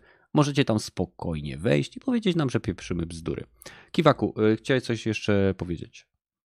W sensie jak dla mnie ten nowy Saints Row wygląda jak taki Saints Row 2, tylko że na sterydach i zamiast takich typowych gangsterach, gangsterów w roli głównej e, mamy takich hipsterów współczesnych, nie? Więc według mnie w ten sposób to wygląda. Hipster, gangster troszkę brzmi podobnie. Takie no. Watch Dogs 2. O, o, właśnie tak. To trochę tak jakby wziąć e, Saints Row 2 i właśnie e, wrzucić do niego klimacik z Watch Dogs 2, nie? To jest taka mhm. hybryda jak dla mnie z tego, co I widziałem. I rozpierduchę z tego, z Jazz Coast, czy nie? O! Nie widziałem no, aż no. tylu wybuchów jak w Jazz Coast, więc... Ale to Saint Row. No... W sensie, no w Saints Row mm. wiadomo, ta minigierka z wrzucaniem no, się pod tylko, samochody, aby wymusić z, wyrzy... i tak dalej. Z tak wyrzutni rakiet będziesz strzelał gumowymi dildosami, nie? No wiadomo, nie? Albo coś w tym stylu. W którejś części na pewno. No, no dobra. Jestem ciekaw, jak bardzo przegną w tej odsłonie. Czy będą na przykład zombiaki i tak dalej, i tak dalej, kosmici, czy inne pierdoły, no bo to wszystko było już w Saints Row 4 na przykład no i tak. w Saints Row 3. Czy od razu pojadą z grubej rury, czy będą się starali powstrzymać i rozbudowywać absurdy w kolejnych częściach? E, Raptor, jak wygląda twoja historia z serią Saints Row? E, czy w ogóle miałeś jakiś kontakt z tymi tytułami? Nie, żaden. Ja od zawsze, jak już od, od, bardzo małego, to tylko i wyłącznie grało się GTA. Saints Row nie pamiętam, jedynka jak wychodziła z 2007, 8 rok? Coś, coś mhm. takiego? Trafiłem? No, nie, nie powiem ci. Nie. No, no właśnie, ale, ale ja zawsze tylko GTA, tam w ogóle zacząłem od Vice City, to już w wieku 5, 5 lat już rozjeżdżałem ludzi na chodnikach I później nawet coś tam pamiętam GTA 3, w GTA San Andreas to w ogóle tam na Sampie to ja nie wiem, pewnie z tysiąc godzin przesiedziałem albo więcej ze znajomymi. E, także no później wiadomo, czwórka. Dla czwórki to w ogóle konsolę kupiłem. Ja zobaczyłem, nie wiem czy pamiętacie, hmm. e, znaczy na pewno pamiętacie, taka telewizja, to był Hyper. Hmm. E, oni to chyba współdzielili e, tą transmisję, tam on był Hyper, chyba odpalał się po którejś tam godzinie. E, 22. Mm, a nie wcześniej? Na, tak późno? Na, na Kanał Plusie chyba. No, Znaczy na, pe- na pewno tak. na, na, na którymś z tych kanał plusów. Tak, było. tak, na Kanal Plusie, bo kolega, tylko u kolegi to czasami to widziałem właśnie wiem, że tam No. oni mieli po prostu satelitę, no w sensie Kanal Plus. Ale tam to pamiętam, GTA 4 kojarzę z tym, że w któryś z recenzentów, jak była recenzja GTA 4, to, to powiedzieli, że to jest gra, dla której warto kupić konsolę. I w zasadzie to jest chyba jedyny powód, dlaczego tak naprawdę wybrałem Xboxa, a nie Playa, bo po prostu widziałem, e, mówili, oni ogrywali to na Xboxie. No, A to no. też były czasy, gdzie ja w zasadzie nie wiem, czy ja miałem w ogóle świat. Znaczy, może miałem świadomość, że jest w ogóle coś takiego jak PlayStation, ale jakby no nie siedziałem, też wtedy to też byłem na PC. Dopiero później przesiadłem się jakby trochę na tą konsolę, bo GTA 4 właśnie y, wyszło wcześniej na konsolę. Y, Zresztą chyba wszystkie zazwyczaj wychodziły, nie? Piątka tak samo. Jest. No, Pamiętam. Także ogólnie cały czas zawsze siedziałem tylko przy GTA i te Saints Row wydawały mi się troszeczkę zbyt przekombinowane, yy, w tym bardziej już te późniejsze odsłony, no, no nie, nie podobało mi się to za bardzo. Także no, Takie, nic- takie GTA dla gimby, nie? no nie, może, Fuck można you. to tak też podsumować. Troszeczkę. Nie, nie podobało mi się to, na pewno. Swój Tak, specyficzny humor miało. Proszę? Czy dla Gimby od razu? No wiesz. No swój GTA to specyficzny zazwyczaj- humor mnie. no, okej, zgodzę się. To, to Raptor mówił, że zaczął z GTA jako pięciolatek, to okej, to to jest dla... GTA jest dla pięciolatków, a Saints jest dla Gimby, czyli dwunastolatków. Bardziej edgy. No. No dobra. Po, powiedz mi, w, jak w ile lat miałeś, jak grałeś w GTA? Jak miałeś swoją pierwszą styczność z GTA? Mhm. Ale mówisz do Raptora czy do wszystkich? Właśnie, do, do, do każdego teraz. No do, do każdego. Okej, no to ja To pójdę pierwszy. pierwszy, bo jestem na górze. E, Więc e, moja pierwsza styczność z GTA to GTA 1 na PSX-ie i chodziłem wtedy jeszcze, nie wiem, miałem z 17 lat? Nie A. pamiętam, zaraz jak wyszło to, to kupiłem, co, to także e, pamiętam tylko, nie wiem czy to był GTA London, czy pierwsza część, ale w, w głowie siedzi mi e, Remember, respect is everything. Mhm. Nie wiem, czy to było z pierwszej części, czy nie, ale widok z góry, teraz w tą gierkę można grać na komórkach. To tyle, jeśli chodzi o moje pierwsze doświadczenia. Na komórkę to w Sandrasa możesz teraz grać. Teraz tak. O. No, kiwaku. Mm, Pierwszy kontakt z GTA? Mhm. To tak z, I z Pięk- którą częścią? z plus minus 5 lat, no i GTA San Andreas. Później Mhm. dopiero zagrałem w Vice City. No więc tak, 5 lat i GTA San Andreas. Czyli z dwuwymiarowymi GTA nie miałeś w ogóle styczności. E, W sensie miałem e, e, mój kumpel, e, u którego grałem e, wówczas e, w GTA, bo kiedy byłem młody, to rodzice nie pozwalali mi grać w gry wideo, więc niestety, ale musiałem to robić tylko i wyłącznie u znajomych. Em, on tak bardzo się wciągnął w GTA San Andreas, że po czasie po prostu poprosił ojca, aby pobrał mu e, pirackie wersje wszystkich części GTA, więc no, w ten sposób odkrywaliśmy serię do tyłu jakby. Mhm. Wiecie o co. Wpierw San Andreas, później Vice City, e, Trójka i tak dalej, i tak dalej. Więc miałem kontakt z dwuwymiarowym GTA, co prawda krótki, e, bo oboje jako 5-6-latki stwierdziliśmy, że te gry są pałe, ale, ale ten, no miałem kontakt. Kumam. E, Malibu? No, ja swoją styczność w sumie miałem z trójką. Pierwszą, pierwsze GTA to moje to było trójka. I to chyba zaraz jakoś na premierę, może coś, coś w okolicach. Oczywiście pewnie Pirat to był, bo wtedy to wiecie. Takie czasy. Inne cza- takie czasy, no. No chyba jak miałem jakoś 10-11 lat. Coś, coś, coś, coś, coś, coś w tym stylu, nie? Pamiętam do tej pory, jak się kurwa zaciąłem na jednej misji. Było z 8 Balls, coś w tym stylu. Coś, coś tam było zaraz chyba przed wy, wyjściem z pierwszej wyspy, bo tam chyba były łączone wyspy, co nie? Czy coś Mhm. takiego, że jest e, most był do odblokowania, Tak, coś. most był w naprawie i trzeba było. No, no, no. I to jakaś misja przed, przed tym była i się na tym zaciąłem, dopiero znajomy musiał przyjść i, i im, im pomóc. Do tej pory mi skill wyrósł, także jest trochę lepiej, ale nieduży, hmm. jeśli chodzi o skilla w graniu. E, okej, okay. słuchajcie, czat, napiszcie, kiedy wy mieliście swój pierwszy kontakt z GTA, jeżeli w ogóle graliście w tą serię. A Raptor, jak to wyglądało u ciebie? No ja już mówiłem, że miałem jakieś 5 lat e, GTA Vice City, przy mhm. czym, bo to też nie tak, że miałem już wtedy PC, bo do PC to dopiero się za hajs z komunii kupiło, e, także to było u kuzynki coś kojarzę, starszej i wiem, że też u kuzyna, który był swoją drogą, który jest swoją drogą sporo młodszy, ale już też miał PC-ta, Y, więc to też w zasadzie przez parę lat, można powiedzieć, trwało, dopóki ja miałem PC, sobie tak grywałem też w to. Coś tam jeszcze może też było, nie? Na pewno, ale zapamiętam głównie to GTA Vice City. I jak już miałem też swojego PC, no to oczywiście zdobyłem tam jakoś. Chyba mi sąsiad, pamiętam, też przyszedł zainstalować to. Oczywiście pirata. Y, I no, grałem pewnie wiele miesięcy, albo i dłużej, i nagle jakie było moje zaskoczenie, jak odkryłem, że jak się wejdzie w takie różowe, obracające się, obracające się kółka, to są jakieś no, takie filmiki w grze, że się da robić jakieś misje. No dobra, no to, to było moje pierwsze odkrycie. I gdzieś parę miesięcy później, ja tu mówię na serio, nagle się okazało, że nie trzeba za każdym razem zaczynać od nowej gry, no bo pisze nowa gra, no to nowa gra. Tylko można też zapisywać stan gry. Czyli nie musiałem już za każdym włączeniem kompa przechodzić ile się dało, tylko mogłem sobie dalej przechodzić tą grę. Także tak wyglądały moje pierwsze lata z serią GTA. Ra, e, rogaty? W sumie, szczerze mówiąc, prawie na pewno z jedynką pierwszy raz grałem, ale gdzie to nie jestem pewien, czy u kuzyna, czy u siebie, właściwie u bracika na komputerze, czy może na jakimś stanowisku ustawionym w e, jakimś supermarkecie albo coś w tym stylu na PlayStation, bo to też mi się zdarzało.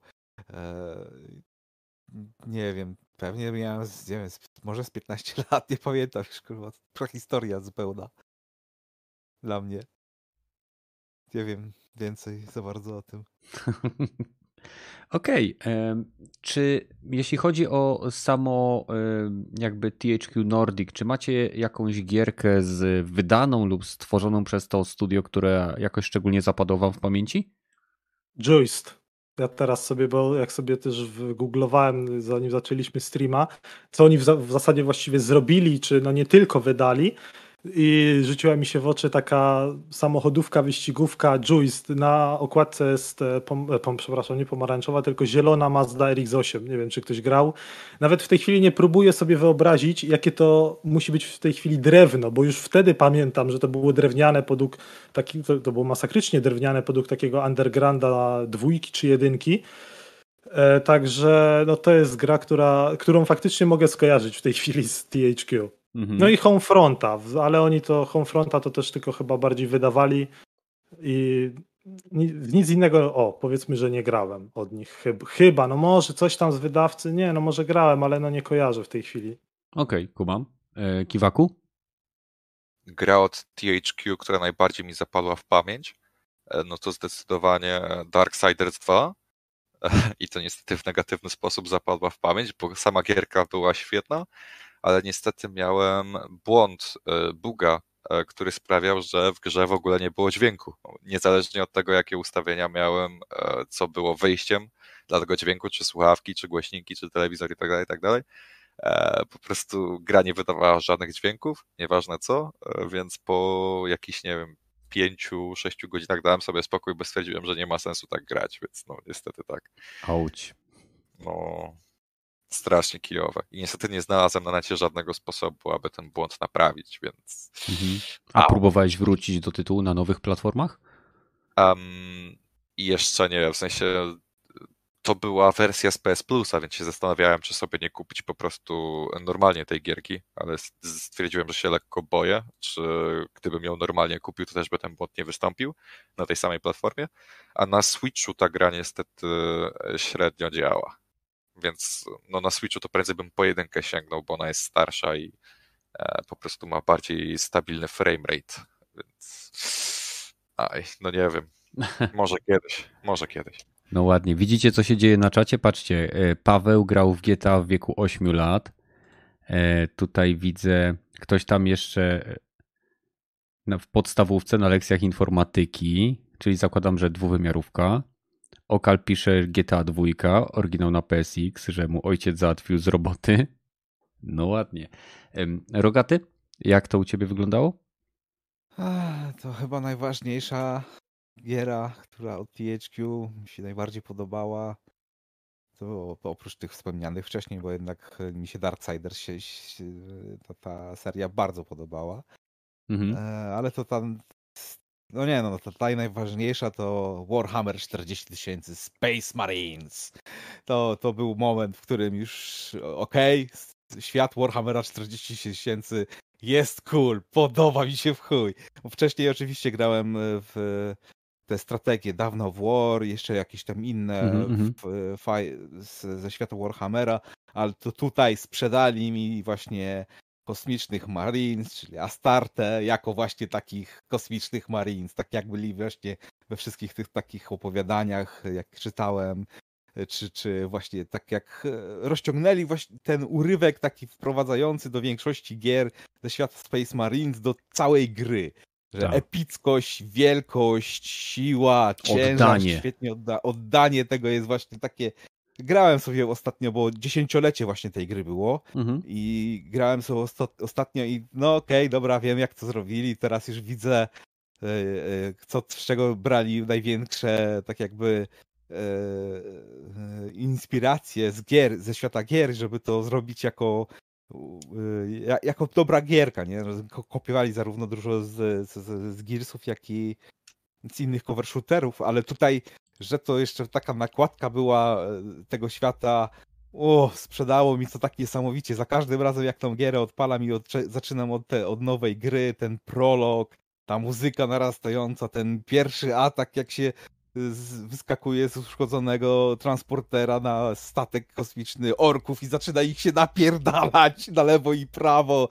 To, to jest niesamowite, że jeżeli ktoś nie grał i, i, ma to w bibliotece, to wystarczy sobie odpalić tą grę i patrzeć na główne menu, gdzie właśnie e, główna postać z tej gry, Titus, mhm. napierdala się z orkami w nieskończoność i ujęcia kamery, jak ten zamachuje się tym spalinowym mieczem mechanicznym i rozcina bebechy orkom na lewo i prawo i roztepuje im głowy nogą. To jest... Ah!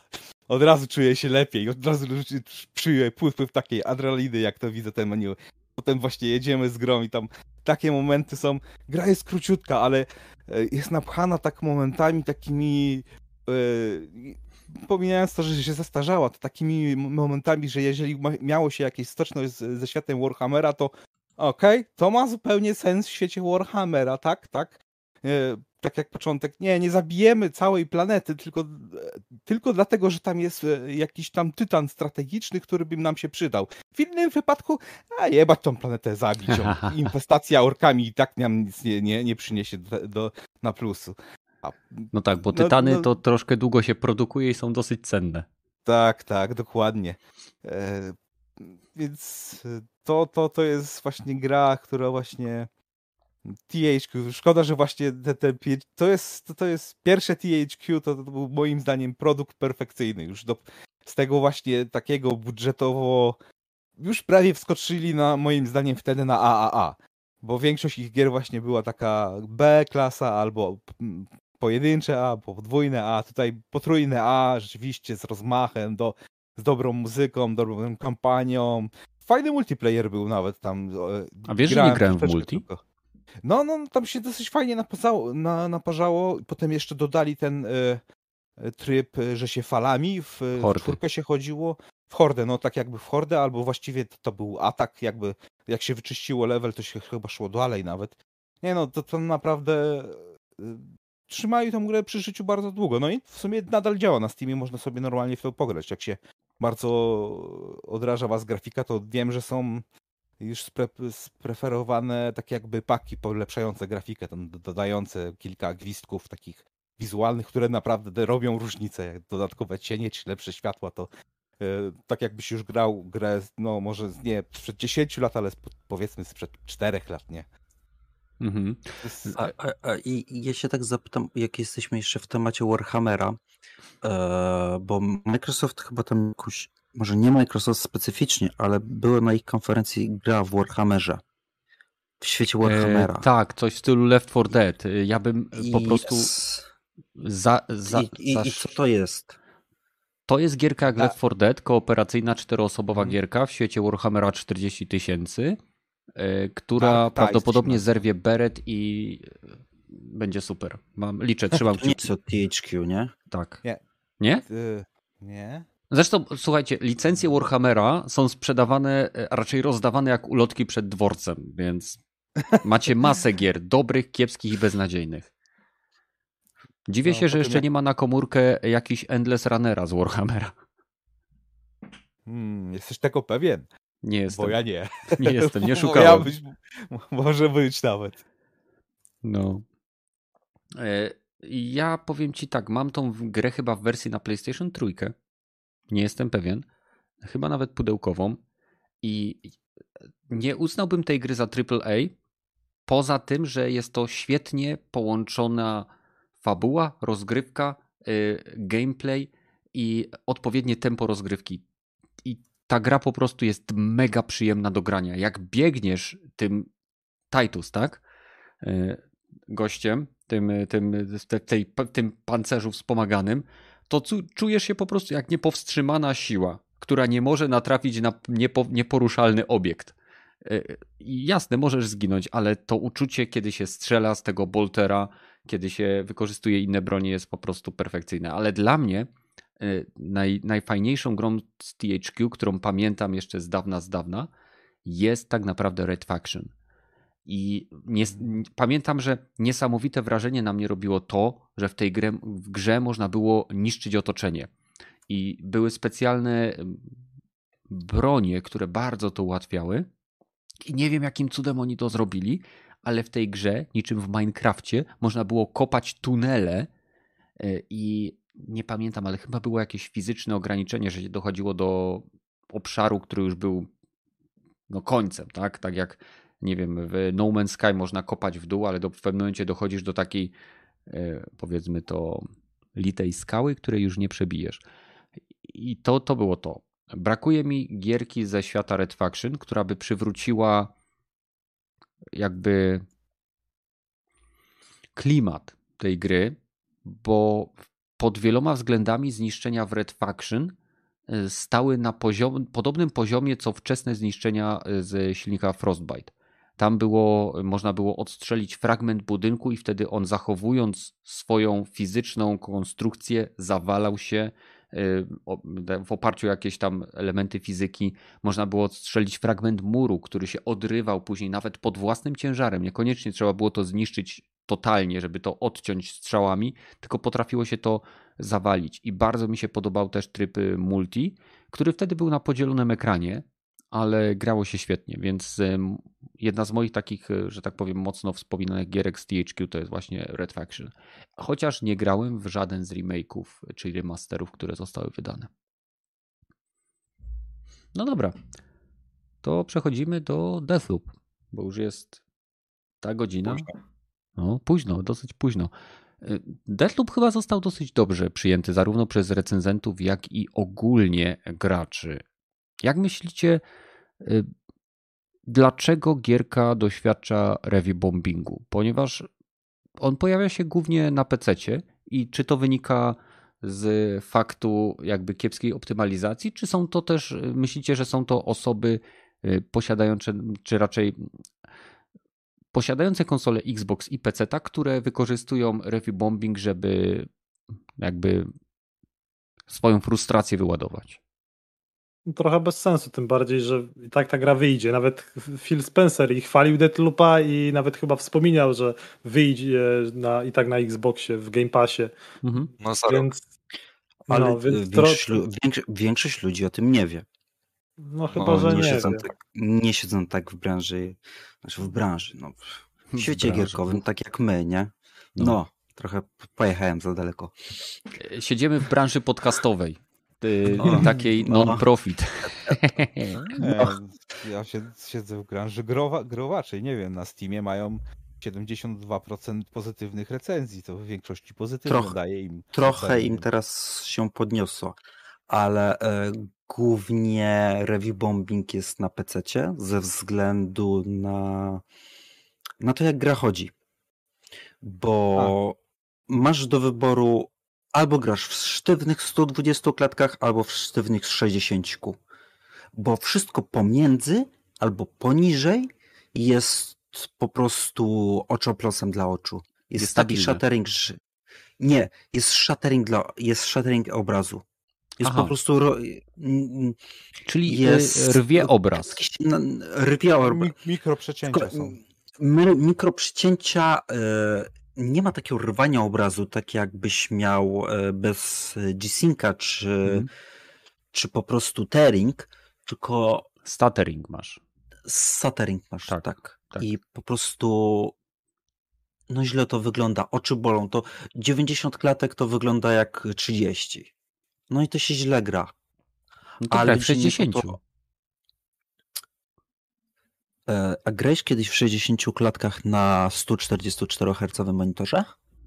E, grałem w 60 klatkach na 120 Hz monitorze. Okej. Okay. No, mm, no jak? Słuchaj, ja jestem konsolowcem, ja nie widzę więcej niż 30 klatek. Dobra, no, no, no to ale... ci powiem, że no, no, no, źle, no trochę no źle to trochę wygląda. No jest, no brakuje ci czegoś, tej płynności ci po prostu brakuje. I a mając, mając możliwości, chcesz po prostu je wykorzystywać, nie? Nie po to kupujesz kompa, e, z, z dobrymi bebechami, żeby wiesz, żeby grać no, w 60 klatkach na przykład. Jeżeli możesz mieć więcej.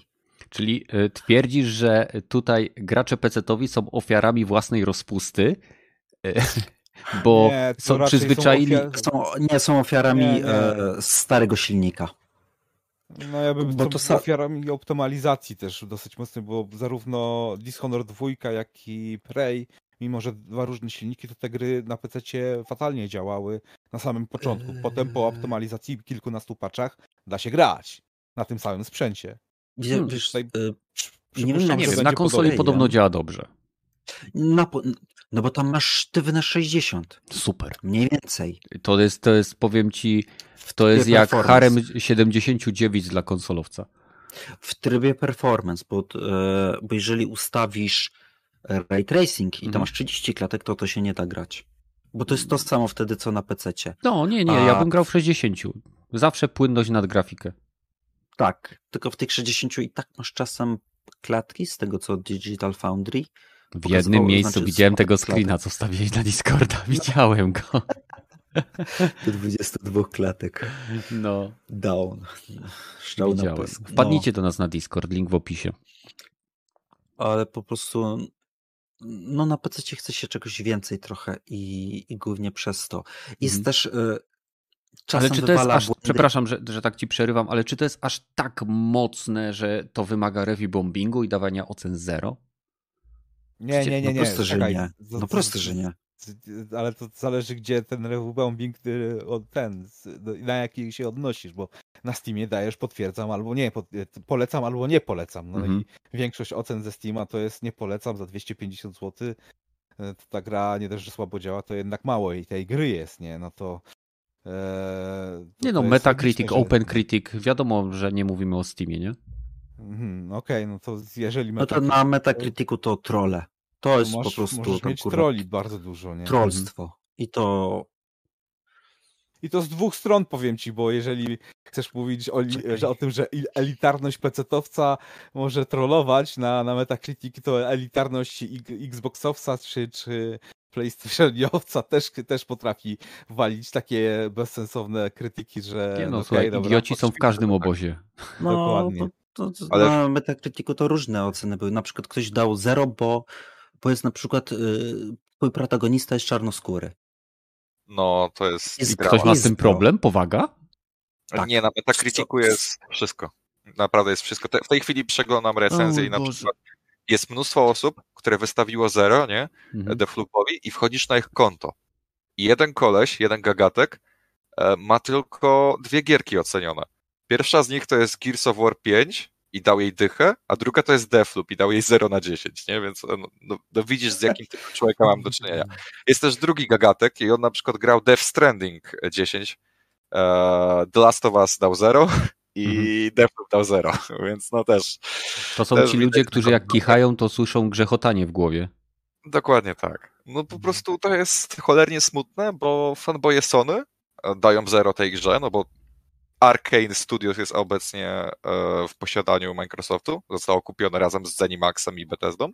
Mhm. E, fani Xboxa dają zero, no bo, znaczy fani, fanboy Xboxa dają zero, no bo gierka będzie dostępna dopiero za rok.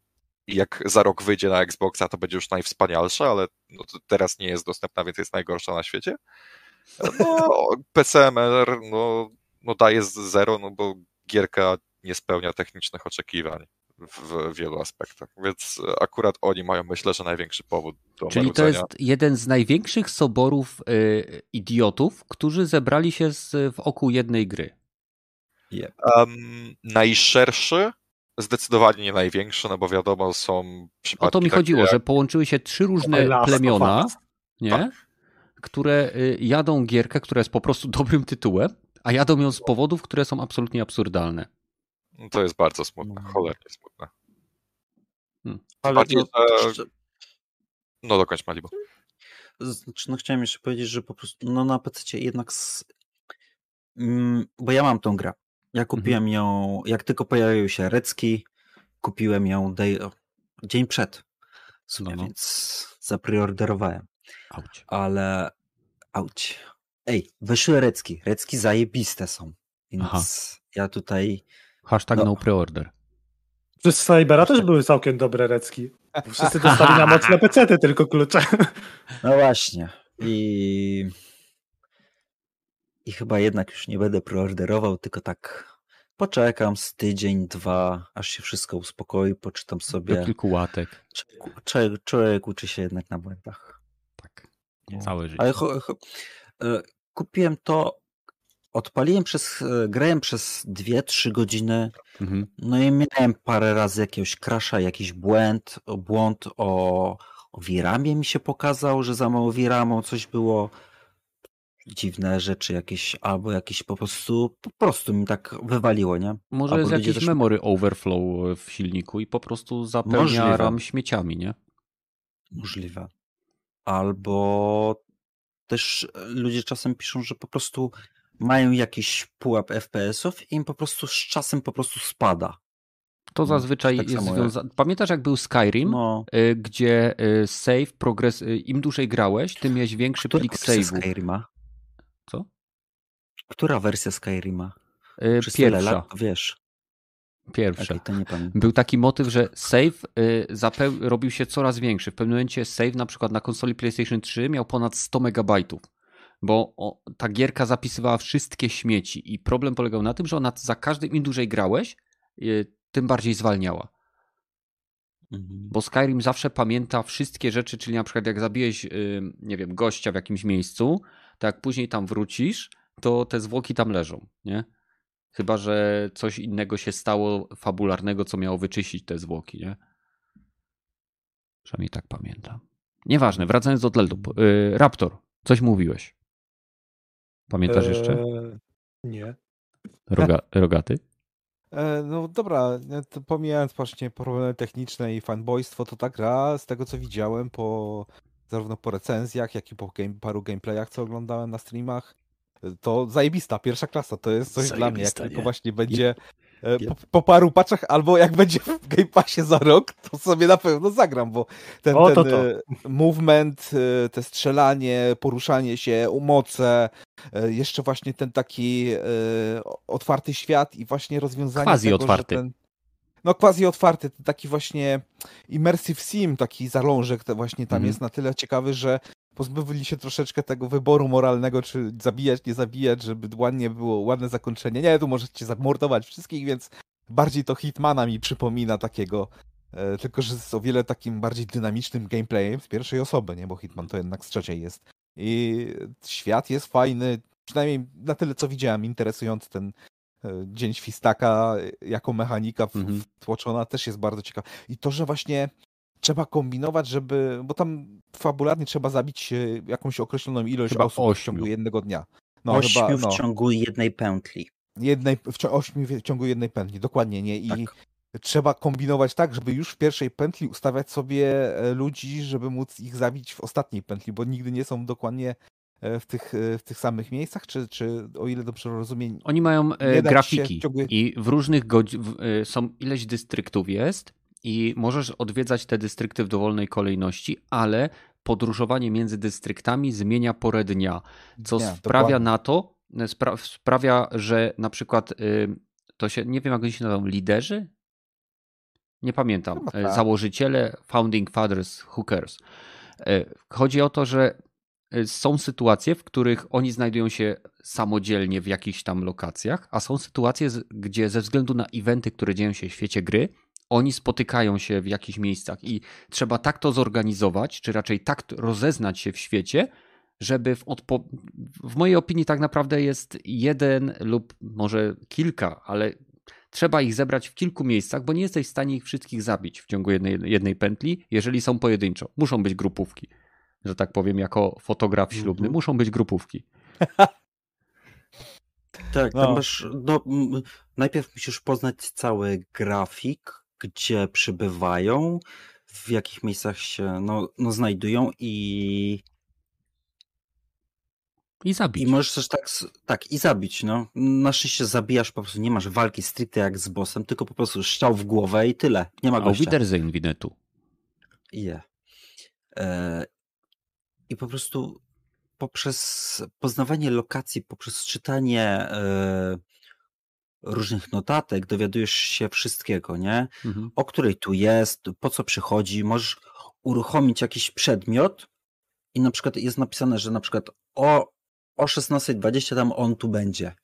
Czy coś w tym stylu, nie? I on tu przychodzi i wtedy możesz już to, co, to, co ty zapamiętasz, to, co twoja postać przeczyta, dowie się, to to zostaje z tobą. Na podstawie tego możesz wyciągać wnioski i możesz sobie tak skonstruować lub, żeby było pod ciebie.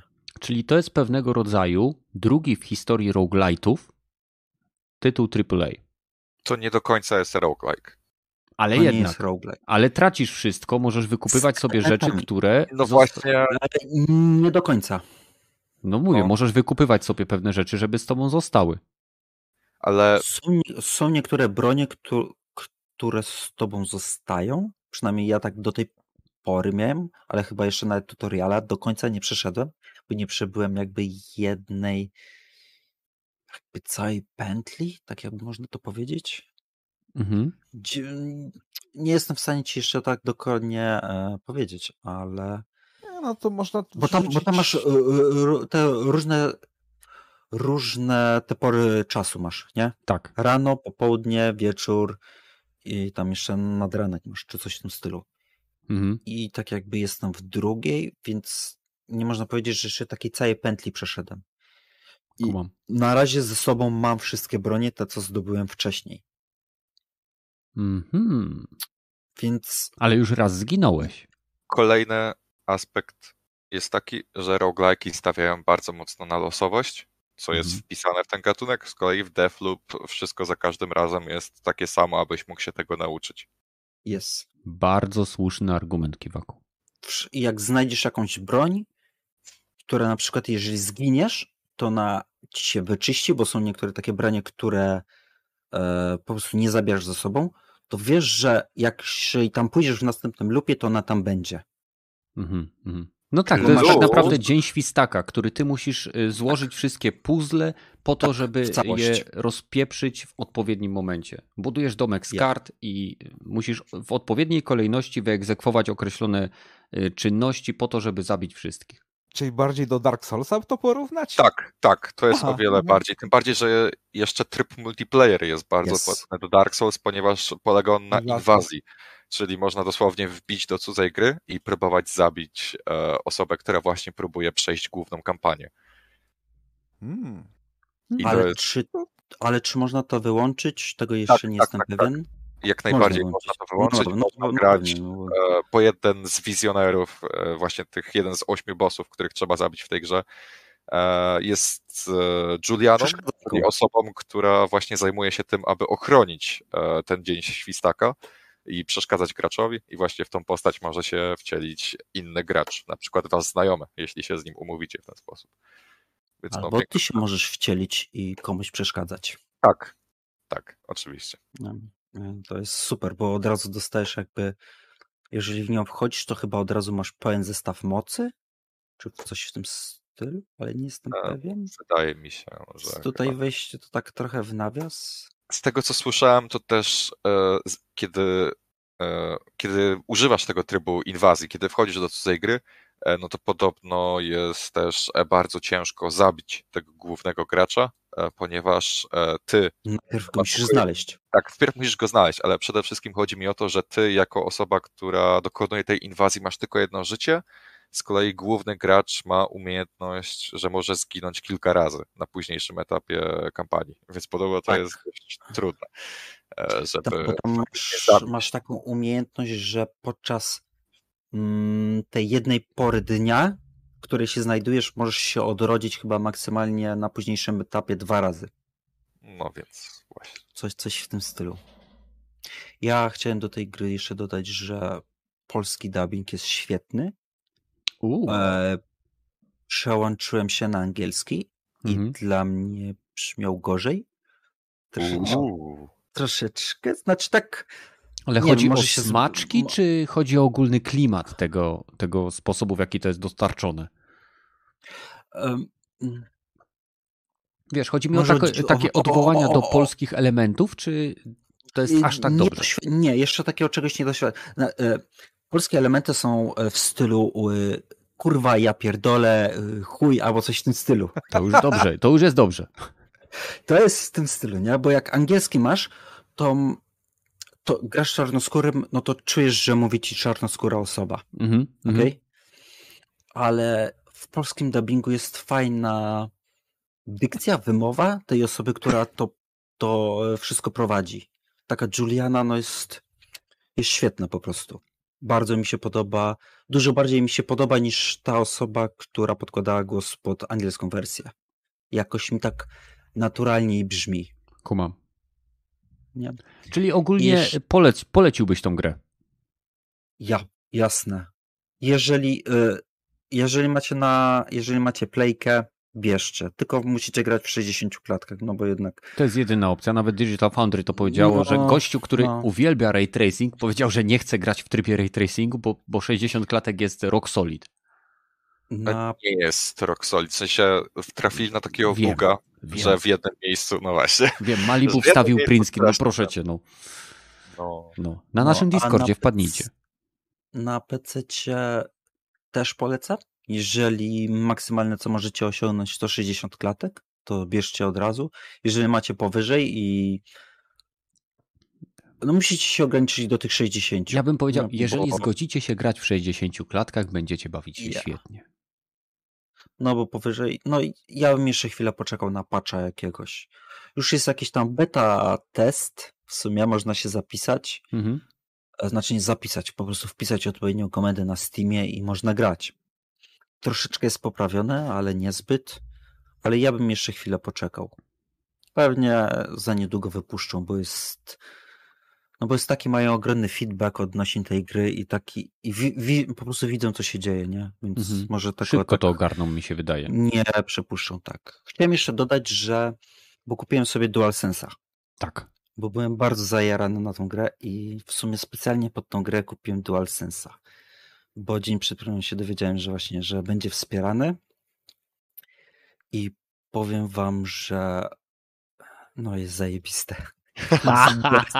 PC-towiec z DualSense'em w ręce? Opowiadaj, opowiadaj. Tak, DualSense podłączony do PC kablem od y, Xbox Elita. To jest najlepszy crossover, o jakim słyszał świat. To jest taki grupen seks, że normalnie twórcy tego nie przewidzieli. No, jest e, jest, jest dobrze. Po prostu e, idąc po piasku, po metalu, e, wchodząc do wodzy, no czujesz ten feedback, który masz na z tyłu, z tyłu pada, nie? Czujesz, Czyli to nie tylko fanboye Sony mówią, że to jest takie zajebiste, to faktycznie jest zajebiste. Jest, jest, jest, jest dobre odzwierciedlenie e, tej imersji, imersji którą masz e, w grze.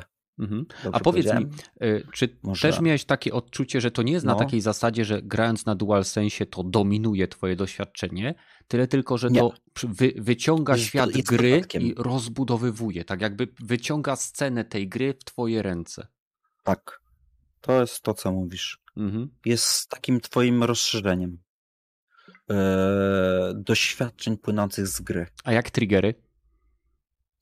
Jest spoko. Każda broń ma inny opór. Mhm. Nawet przybliży, jak przybliżasz, to też czujesz e, lekki opór. Mhm. Nie wiadomo, no, każda, każda broń ma ten swój nacisk, nie? Jeżeli tam z gwoździówki strzelam, no to jest inny opór.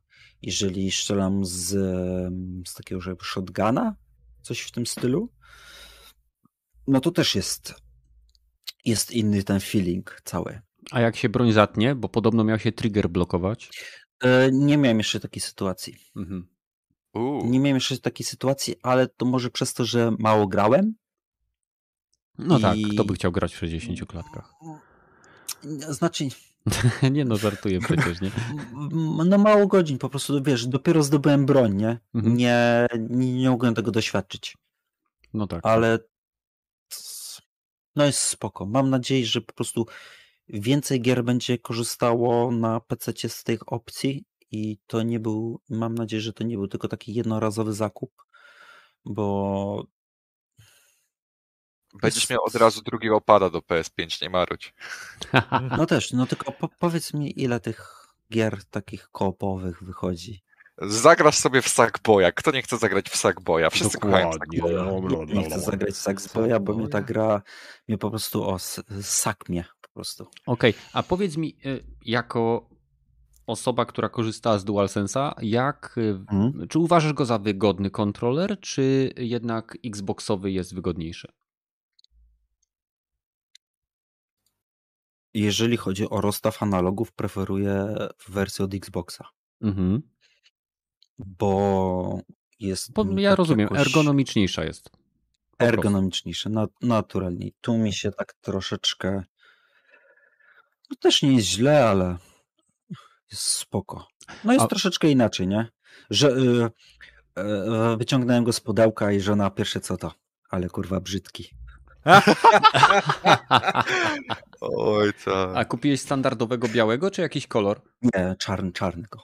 A, no to Ej, dlatego. czarny jest. Nadal brzydki. Nie, no czarny jest spoko, nie? Ale no... No nie wiem, no... Z... Nie no, jest okej, nie? Ten e, kolor tutaj jest... e, Kolor plastiku tego czarnego nie jest taki sam. Więc on się troszeczkę różni tak pod światłem. Mhm. Ale to, to, to jest w ogóle drugorzędna rzecz, nie? Ja po, w ogóle na to też Ale nie fun- z zwracam uwagi. funkcjonowania jesteś zadowolony generalnie. Tak, Super. ale wiadomo, jeżeli mam używać kontrolera jako we wszystkie gierki, Mhm. Jeżeli nie mają e, e, haptic feedbacku i triggerów e, analogicznych, e, tak, trigger, a... Y, Jezu, jak to się kurwa nazywało? adaptacyjny. Efekt trigger. Adaptive, adaptive trigger. Jeżeli tego nie ma, będę używał Elita. Dwójki. Nie no, zrozumiałe. No słuchaj. No. A jeżeli tylko w grze się pojawi któraś z tych funkcji, to będę grał na DualSense. Bo warto. Bo warto, bo jest to jakiś dodatkowy e, experience w, z gry Mhm. płynący. W, wiem, że będzie w Alanie Wake'u nowym, w tym Mhm. remasterze. Jest w Metro, y, to też testowałem. W Metro jest, dla mnie jest taki problem, y, tego feedbacku jest bardzo mało. Tam jest tylko, w sumie miałem, zresetował mi się cały save. Nie mam save'a, musiałem zacząć od nowa. Trochę mnie A, wkurwiło to, ale na szczęście daleko nie doszedłem, bo byłem w tej pierwszej lokacji. W tym kościele? Tam, gdzie jest taki kościół, no.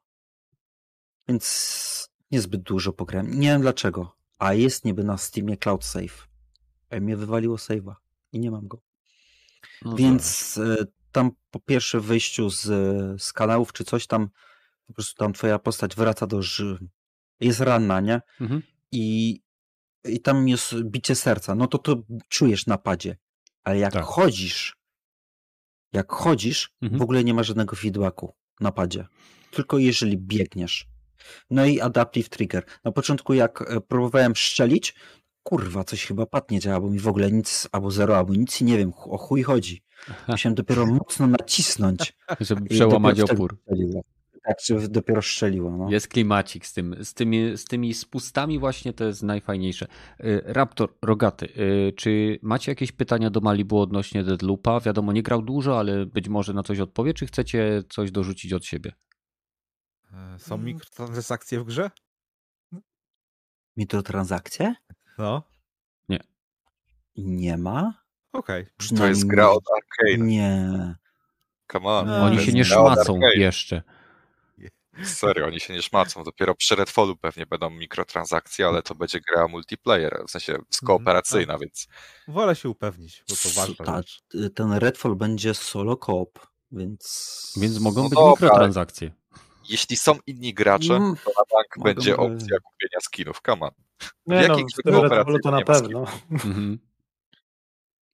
Ale tak- Raptor, nie, coś jeszcze? Nie, nie widziałem nic. I- Ja to podejrzewam, że bardziej się zainteresuję, jak już to będzie w Game Passie, bo Mhm. no, to, to nie jest gra, która by mnie interesowała. Nie grałem też chyba w żadną ich wcześniejszą pozycję, tym bardziej e, Dishonored, bo to ci sami twórcy, jak rozumiem, jedynka czy dwójka, to są gry w zasadzie, no, tak jak patrzę po jakichś gameplayach, recenzjach nawet, bo też Deathloop akurat recenzję widziałem, chociaż był Energika na przykład, no to to jest e, coś widać bardzo podobnego, ale no, no, to też nie byłby gatunek, który by mnie jakoś aż tak mocno kręcił, czy jakby no, to jak to wygląda pod względem gameplayowym, żebym to kupował, no bo niby na PC jest, ale no, nie, nie, nie czekałem na pewno na tą produkcję. No sprawdzę ewentualnie na, w Game Passie, tak samo jak na przykład tego Redfalla, e, też jakoś nie mam zbyt wielkich oczekiwań wobec tej gry. Sprawdzę pewnie, no bo będzie, to do, no wiadomo, Game Pass jest dobrą,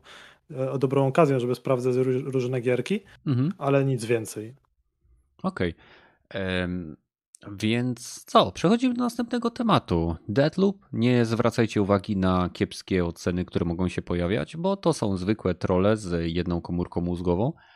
I jeżeli tylko możecie, szarpnijcie w ten tytuł, bo to jest kolejny tytuł od Arkane, nastawiony być może troszkę bardziej na akcję. Nadal jest to Immersive Sim, czyli tak naprawdę otwarty sektor, w którym y, rozwiązujecie swoje problemy w sposób, jaki wam odpowiada za pomocą narzędzi, które macie dostępne. I tutaj jakby Arkane nadal trzyma się swoich utartych ścieżek, wprowadzając troszeczkę świeżości względem tej pętli czasu, która tak naprawdę wymaga od gracza poznania świata, leveli, lokalizacji przeciwników, którzy w zależności od pory dnia zawsze będą znajdowali się w tym samym miejscu o danej porze dnia, więc e, warto na to zerknąć. No a teraz e, w zasadzie taki luźny, mam nadzieję, krótki temat dotyczący dysku NVMe, tego, którego zamontowałem w swojej konsoli, e, moich doświadczeń. Jeżeli macie pytania, to oczywiście zadawajcie. Ja na, na, na razie zrobię taki wstępik. E, Jako, że Sony wreszcie opublikowało najnowszy firmware, zainstalowałem go i zamontowałem ten 2terabajtowy dysk, y, odnośnie którego materiały znajdziecie na kanale. I przyznam szczerze, że po zamontowaniu, poza tym, że wreszcie ściągnąłem sobie wszystkie te gry, które zawsze miałem na swojej konsoli, żeby po prostu przełączać się między nimi, bo lubię skakać między tytułami, to tak naprawdę kuźwa, mam wrażenie, że nie, nie czuję, żebym miał ten dysk, tak? W sensie on działa tak samo lub lepiej niż podstawowy. No ale to podobnie jest na przykład, e, nie wiem, czy to też z Malibu jakiś czas temu e, na ogólnym czacie gadałem, czy no gdzieś to widziałem na pewno na, na Discordzie, Mhm. że na PC jakby te NVMe są w teorii wolniejsze, a w zasadzie każda gra będzie ci się dużo szybciej, no dużo, wiadomo, tu mówimy nadal o sekundach, czy Mhm. na konsoli, czy na PC, ale jakby te wartości na PC są niższe, a na, i tak będzie się wczytywało szybciej, więc no jakoś mnie to, co mówisz, nie dziwi za bardzo. Właśnie e, wydaje mi się, że tutaj największą robotę robią tytuły opisane konkretnie pod hardware. Bo tytuły multiplatformowe y, y, nadal korzystają, mimo że mogą być zrobione pod dyski NVMe, to są robione pod grupę trzech platform, załóżmy, tak? Xbox, PlayStation, PC. Ale tytuły takie jak Miles Morales, czy no to jest akurat dobry przykład, czy Ratchet i Clank, no to one się wczytują dosłownie w dwie sekundy. A na PC nie mamy możliwości no tego właśnie, sprawdzić. Właśnie o to mi chodzi, że e, tu, tu jest ten problem, że jakby nie ma punktu odniesienia jeszcze, bo. No nie, bo punkt Sony to odniesienia jest Sony. PS4, gdzie te gry wczytywały się po ile? Po 20? Po minutę? No, No tak, ale to były inne, mniej skomplikowane gry Eee, też. tak, też, też, bo No, ale nie ma... Miles Morales też wyszedł na PS4, nie? To jest Nie no, Miles Morales tak, Tak. ale Ratchet, No. no ten z 2016 No, ale- jest kiepskim porównaniem do Rift Apart. No ale nie, tu No, Rogaty ma rację, no. że można porównać teoretycznie Milesa Moralesa na PS4 z Milesem Moralesem na PS5 i to jest no, jednak znacząca różnica, nie? Ale zobaczymy, co będzie, jak Sony wyda y, na przykład Ratcheta i Clanka na PC-ty. Hmm. Al, albo No, Uncharted 4. No bo jednak jak będzie też jakiś tam ala remaster, to może przystosują to bardziej pod NVMe, na PC też będzie. No, jeżeli E, będzie na- dedykowana wersja na PS5, to tak. Jeżeli będzie wsteczna kompatybilność z PlayStation 5, to trudno tutaj porównywać, bo wtedy zazwyczaj tytuły Nie, no wstecznie kompatybilne nie, nie korzystają z hardware'owych dekompresorów, które ma w sobie PlayStation 5. Jest. I dopóki gra nie będzie zoptymalizowana i do, miała dodaną funkcję Direct Storage. A to E, też niekoniecznie. E, Bo Direct Direct Storage Storage, wiem na czym polega polega. Na tym, że, ci, że, no, że ci o, o, omija pewną część procesów i ci leci prosto do grafiki. Ale nadal musi Przez to być po drodze hardware dekompresor. Musi, y, grafika ci nie, do, nie dekompresuje plików, No, które no, są no okej, tak? nie, ale to, no bo to jest już zawarte w tym. No, Tylko gra musi mieć to zawarte. Tak samo jak teraz wyjdzie Windows 11, mhm. będzie posiadał Direct Storage, ale gry muszą już muszą mieć tą funkcję. Bez Tak, tego no. będą się tak samo wczytywać, jak się wczytywały. No właśnie to jest y, to, że jak coś jest, Jeśli o to chodzi. jak jest niepisane pod konkretny hardware, no to Jest. nigdy nie wykorzystamy pełni mocy danego urządzenia. To jest znane każdemu posiadaczowi karty PC-owej, bo mimo, że karty PC-owe są wielokrotnie mocniejsze niż konsole, to i tak mamy tytuły, które w pewnych aspektach robią niesamowite wrażenie na posiadaczach PC-ów. I M- m- Możliwe, że pierwszą grą, która będzie wykorzystywała właśnie to mega szybkie wczytywanie z Direct Storage będzie Far Cry 6, mhm. ponieważ ostatnio jak publikowali jakieś info, to mm, odnośnie Windowsa to było to było dodane właśnie w, em, gdzieś w notce się pojawił Far Cry 6 i Forza 5. Forza. Horizon 5. Więc możliwe, że te gry będą na start już to posiadały i będzie Mhm. można przetestować pomiędzy konsolą a PC-tem. No, wiesz, takie to, to porównanie. teraz też już można takie porównania robić. Ja nie wiem, w Ascent e, grałem i na Xie, jak i na PC i na PC mi się i tak szybciej wczytuje ta gra. Nie dużo, bo praktycznie od razu na PC, gdzie na Ascent na, na Xie się po dwóch, trzech sekundach od śmierci wczytuje. Tak. To jest dziwne, bo Ale- niby Xbox, y, ta gierka jest opisana jako zoptymalizow- zoptymalizowana pod No Xboxa. jest, jest. I Po, po, porównanie. Jeszcze, jest- jeszcze żadna gra na Xboxie chyba nie wykorzystuje Direct Storage. No, no, no, no to więc nie, nie, nie, nie Tylko korzysta z tej dekompresja. technologii, tylko czy, jeżeli chodzi o czysty pa- hardware, nie? Mhm. Tak. No to ten, co mam na PC jest szybszy, zarówno od tego, co jest w Fixie, to jak i co sobie tam wkładacie e, e, do... Chociaż nie, bo mam dokładnie taki sam, jak włożyłeś do, do PlayStation, ale jego wykorzystanie jest lepsze moim zdaniem w tej chwili. Masz dysk, który ma transfer Na... 7 GB na sekundę? No? Ten, Petarda e, Western rogaty. Digital, ten 850. Taki jak ty kupiłeś, nie? Kuźwa. Tylko, że ja go kupiłem w zeszłym roku, nie? Fuck you. Pewnie taniej kupiłeś, co? Chyba 9. Ja mam dzie- pięć. No, no. Chyba 900, poniżej 900 zł. Ale ty ter- terówkę masz. Tak, ja mam terówkę. No to nie, to, to, to ja i tak przepłaciłem pewnie. No nie, no właśnie, ale to właśnie mam pytanie drugie, bo mhm. mi się wydawała pojemność e, zarówno X, jak i PlayStation, PlayStation trochę bardziej, że to co dali do konsoli to jest zdecydowanie za mało. Mhm. ja ciągle patrzę, gdzie tam wyrwać jakiś właśnie SSD do, tego, do tej swojej konsoli, a ewentualnie jakiś taki talerzówkę, żeby wyrzucić te wszystkie z poprzedniej generacji gry, bo no, no. ciągle mi tego miejsca brakuje, a ty teraz zainstalowany pełne zadowolenie, już nie musisz przerzucać, nie musisz co chwilę skasować, co, co nie. ci tam musisz... W chwili wyrzucić. obecnej mam zainstalowanych 47 gier i mam yeah. jeszcze y, około terabajta wolnego miejsca łącznie. It. No. Czyli jesteś w punkcie wyjścia w zasadzie dopiero. No, no, w zasadzie y, nie. Za 400 gigabajtów będę w punkcie wyjścia, bo Sony w momencie, kiedy masz podstawowy dysk, ma chyba 620 coś gigabajtów. No.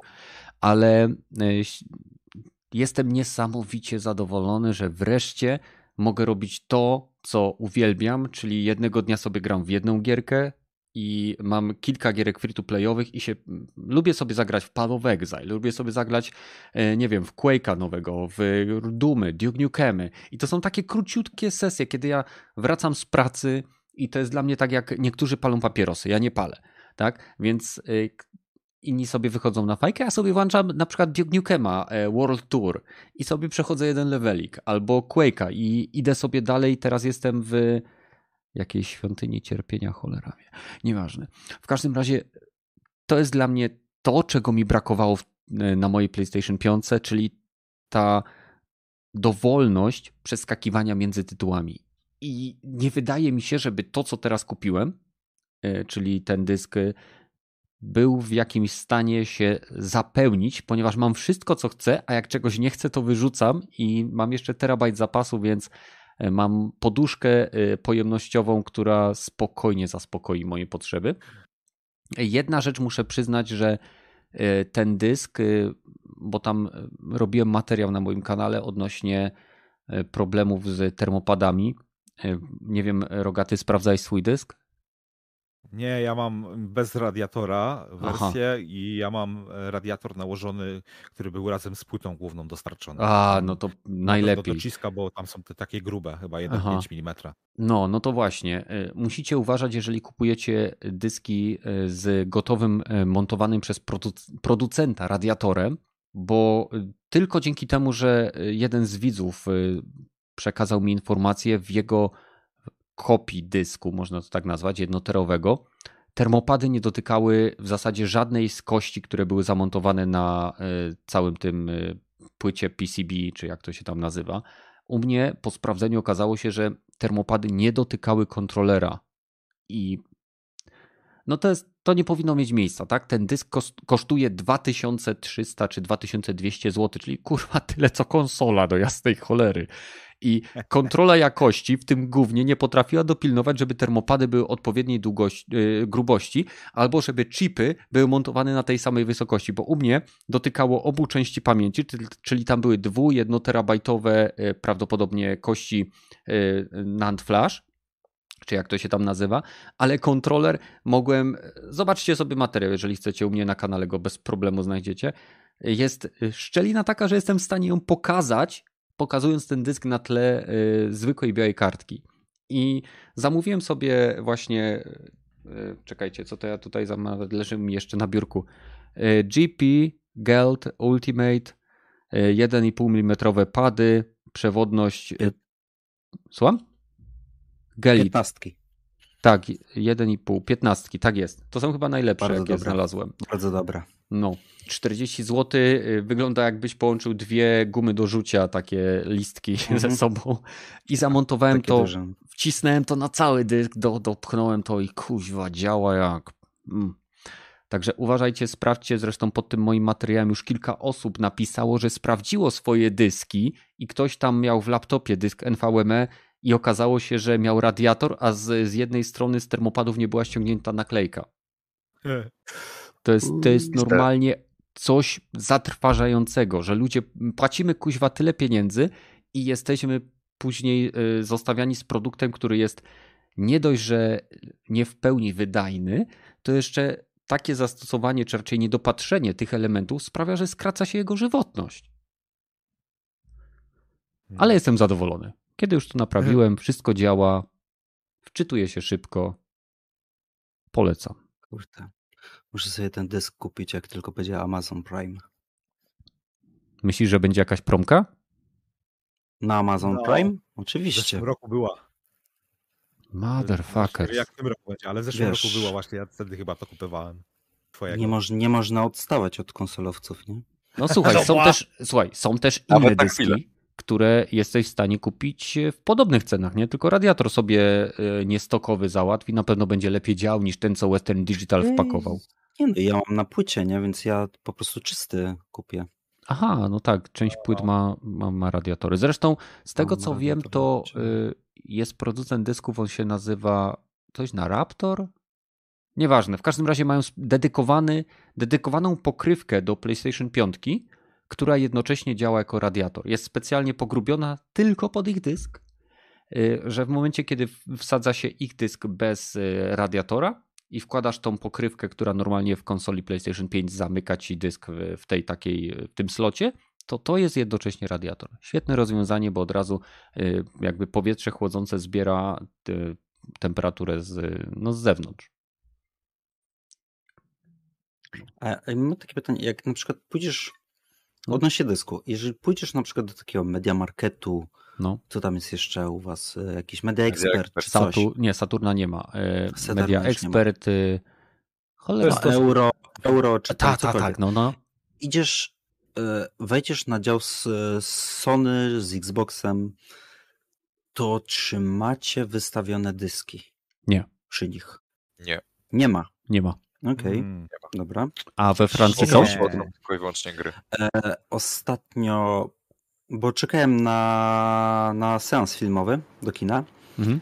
i poszedłem sobie do takiego sklepiku jak Fnac, co jest coś jakby Empik, coś w tym stylu, tylko bardziej trochę rozbudowany, bo masz też okej, może bo masz też i lodówki, masz też telewizory, pralki, jakieś takie pierdoły, nie? Ale masz No, no, też no. bardzo dużo stoisk z grami, z muzyką, z filmami i takie, i takie pierdoły. I tak sobie chodziłem i patrzyłem e, i były właśnie wystawione stoiska z, z PlayStation i z Xboxem i były przy nich wystawione od razu dyski. Właśnie te WD 850 albo dołącz, albo po prostu na USB jakieś rozszerzenia. Słodko. Hmm, ktoś pomyślał po Sen- prostu. No. Było, po prostu było wraz z tym, nie? Dopasowane, żeby chcesz kupić, bierzesz od razu. Szkoda, że ceny nie było, bo chciałem, byłem ciekawy ceny. Oczywiście pewnie jak to coś podobnego do Empiku, to cena wyjebana w kosmos niż na internecie, ale to już szczegół. Ale no po prostu no, była taka opcja, nie? Przychodzisz, chcesz kupić sobie dysk do konsoli, bierzesz, wychodzisz. Wiesz co, mam wrażenie, że u nas, jeśli, jeśli, chodzi o Polskę, to nie ma jeszcze na tyle świadomości tego, że to jest No. rynek zbytu, który jakby rośnie. Ale z drugiej strony też tak naprawdę większości użytkowników, poza takimi hardkorowcami jak, jak my tu siedzimy w piątkę, to będzie starało się wydać jak najmniej kasy, bo to jednak wydać 2300 zł na, na dysk, to, to to nie jest, y, wiesz, y, małe miki, że tak to, rurka z kremem, czy jakieś inne tam porównania, nie? Mhm. No. Nie no, nikt normalny tego nie zrobił, mówmy się. Come on. Słuchaj, ja też wziąłem na raty. Ale nikt normalny stwierdziłem, nie wyda tyle za Ma, dysk. ma, A zwłaszcza w jedną Polsce. terapewkę kupić. no, masakra. Nie no, bez przesady. Ale y, Malibu, bo y, ty na pewno i Rogaty też słyszeliście, że y, ktoś z, Chin wykorzystał jakiś adapter, żeby do Xboxa One S podłączyć dysk NVMe. Słyszeliście o tym? Ta, ta, Widzia, to Widziałem to. No. też widziałem gościa, chyba wczoraj to oglądałem nawet, że- co podłączył do PlayStation 5 przy pomocy przejściówki z właśnie MDAT2 do PCI Express, dyski na PCI Express z przejściówką na MDAT2. Taki zrobił przekręt. I to działało wszystko. Jeszcze chyba jest też taki na ten e, Western Digital 850, ten taki na PCI Express, taki wielki, nie? No, Coś, no. co się do slotu w komputerze wkłada, nie do tego małego, wąskiego, tylko do PCI pełnego. e, to on taki dysk też podłączył i też działa. I jeszcze trzecią rzecz, którą próbował zrobić, to RAID e, z czterech dysków Samsunga 850. Te, są, te, co są kompatybilne, żeby jak najwięcej pojemność zrobić, ale mu się nie udawało, bo tam chyba musi być hardware'owy RAID, a tutaj jest tylko software'owy i to pokazuje tak jakby uruchamia się to, ale nie widzi czterech dysków, tylko jeden. Więc ilość kombinacji... 980 to, to... chyba. 980. Ma, sorry, sorry, masz rację. E, e, więc y, ludzie też kombinują z PlayStation. Zastanawiam się, co jeszcze dalej wykombinują. Czyli spokojnie można założyć, że prędzej czy później y, pojawią się adaptery i o ile w przypadku Xboxa będzie można stosować dyski, chyba to jest PCI Gen 3 jeszcze? Chyba tak. E, mówię o tych kartach rozszerzeń. To w przypadku PlayStation, niezależnie od adaptera, jaki wykorzystacie, to będzie trzeba niestety kupić dysk PCI Express Gen 4 i te parametry wysyłu i transferu. Chociaż widziałem też artykuły czy testy, gdzie ludzie podpinali dyski o mniejszej pojemności, znaczy o mniejszym transferze i one też do pewnego stopnia działały. Więc cholera wie tak naprawdę. Ale będą na Xboxa na pewno jakieś adaptery i w tym momencie Xbox One S nie wydaje się takim głupim pomysłem z Game Passem. Hmm. A no. Nigdy się nie wydawał głupim pomysłem. Wiesz co, wydawał się o tyle głupim pomysłem, że jakby karta rozszerzeń do tej konsoli kosztuje tyle co konsola, ale z drugiej strony wydałem na swój dysk tyle co na konsolę, więc nie no. powinienem się odzywać. No, Wiesz, to jest Hmm. Dobra. Może nowsza, może nowsza wersja Series S będzie miała większy dysk. No, może. Podobnie tak. Z tego co wiem, to Seagate planuje wypuścić mniejsze karty pamięci, 500 gigowe. Bo to Seagate mhm. robi te, te tak, karty. Nie? No, jest, no, no, no. jest, jest, jest, jest. Okej. Okay. Dobra. Przechodzimy do tematów nieplanowanych. Jeżeli, jesteś, jeżeli byliście z nami do tej pory, no to cóż, gratulacje, że wytrzymaliście. Pamiętajcie, że możecie nas wesprzeć poprzez łapkę w górę, łapkę w dół, subskrypcję i wpadnięcie na Discord, co nas bardzo motywuje, bo za każdym razem, kiedy ktoś wpada, choćby na jeden dzień, a później widzimy w naszym punkcie granicznym, że ucieka, to przynajmniej wiemy, że coś się dzieje. Więc y, link znajdziecie w opisie, zapraszamy gorąco. Y, jakie macie nieplanowane tematy? Co ciekawego się działo? Rogaty, ty tam skleiłeś dwa. Chcesz od jakiegoś tak, zacząć? Tak. No to może o tym hardware'ze, skoro już mówiliśmy o hardware'ze, bo... Bardzo dobrze, e... podoba mi się. Jedziesz. E, są plotki na temat zarówno PlayStation 5 nowa generacja, czy to wersja Pro, e, czy odświeżona, taka rzeczywiście odświeżona. slim. To slim właśnie i Xboxa, zarówno S, jak i XSX, mhm. e, że będzie wersja odświeżona. Najprawdopodobniej w 2023 już, czyli dosyć szybko. Czy ja wiem, poprzedniej generacji też wyszły po trzech latach. No, w sumie tak. No. A wiecie, że ja nie byłem świadom, że ja już mam PlayStation 5 praktycznie rok? No, no zaraz to wie. Kuźwa, ale ten czas leci temat na podcast ro, e, po ro, pierwszym roku konsoli. Co sądzimy, tak? To jest następny miesiąc, bo to chyba wtedy były premiery. E, w listopadzie dopiero. A, ale dobry pomysł. Życie gracza po pandemii. Jeszcze się nie skończyła oficjalnie. Jeszcze, no to taki będzie kiedyś. Mhm. No to wracając do tego hardware'u, e, czy, czy, ktoś jest ciekawy już nowym hardwarem, że nowa rewizja? Czeka, czekamy na, nową, na nowe wersje, żeby jeszcze szybsze frame rate były, lepszy ray tracing? Ja ci Ale powiem, mówisz teraz o jakichś wersjach Pro, tak? Tak. Bo no. już też mi się wydaje, że wersja Pro, jeżeli nie będzie w przyszłym roku zapowiedziana, to na pewno w 2023. Według mnie te wersje e- nie zostaną zapowiedziane, tylko zostaną wypuszczone. Bo w A, momencie, kiedy może... zapowiadasz coś z wyprzedzeniem, automatycznie zabijasz sprzedaż obecnej generacji sprzętu. Dla wielu pewnie, też właśnie... pewnie zapowiedzą z... miesiąc przed premierą, tak jak było no, w przypadku PS4 Pro i tak dalej, i tak dalej. Ale co, kupilibyście? Oczekiwania będzie bardzo krótki. Oby. Malibu, ty, ty, ty, ty, jak to u ciebie wygląda? Na czym grasz głównie? Na PC, co? No na PC, no ja mam tylko jeszcze Switcha i mam e, One Xa, Mhm. ale to jego nie odpalam.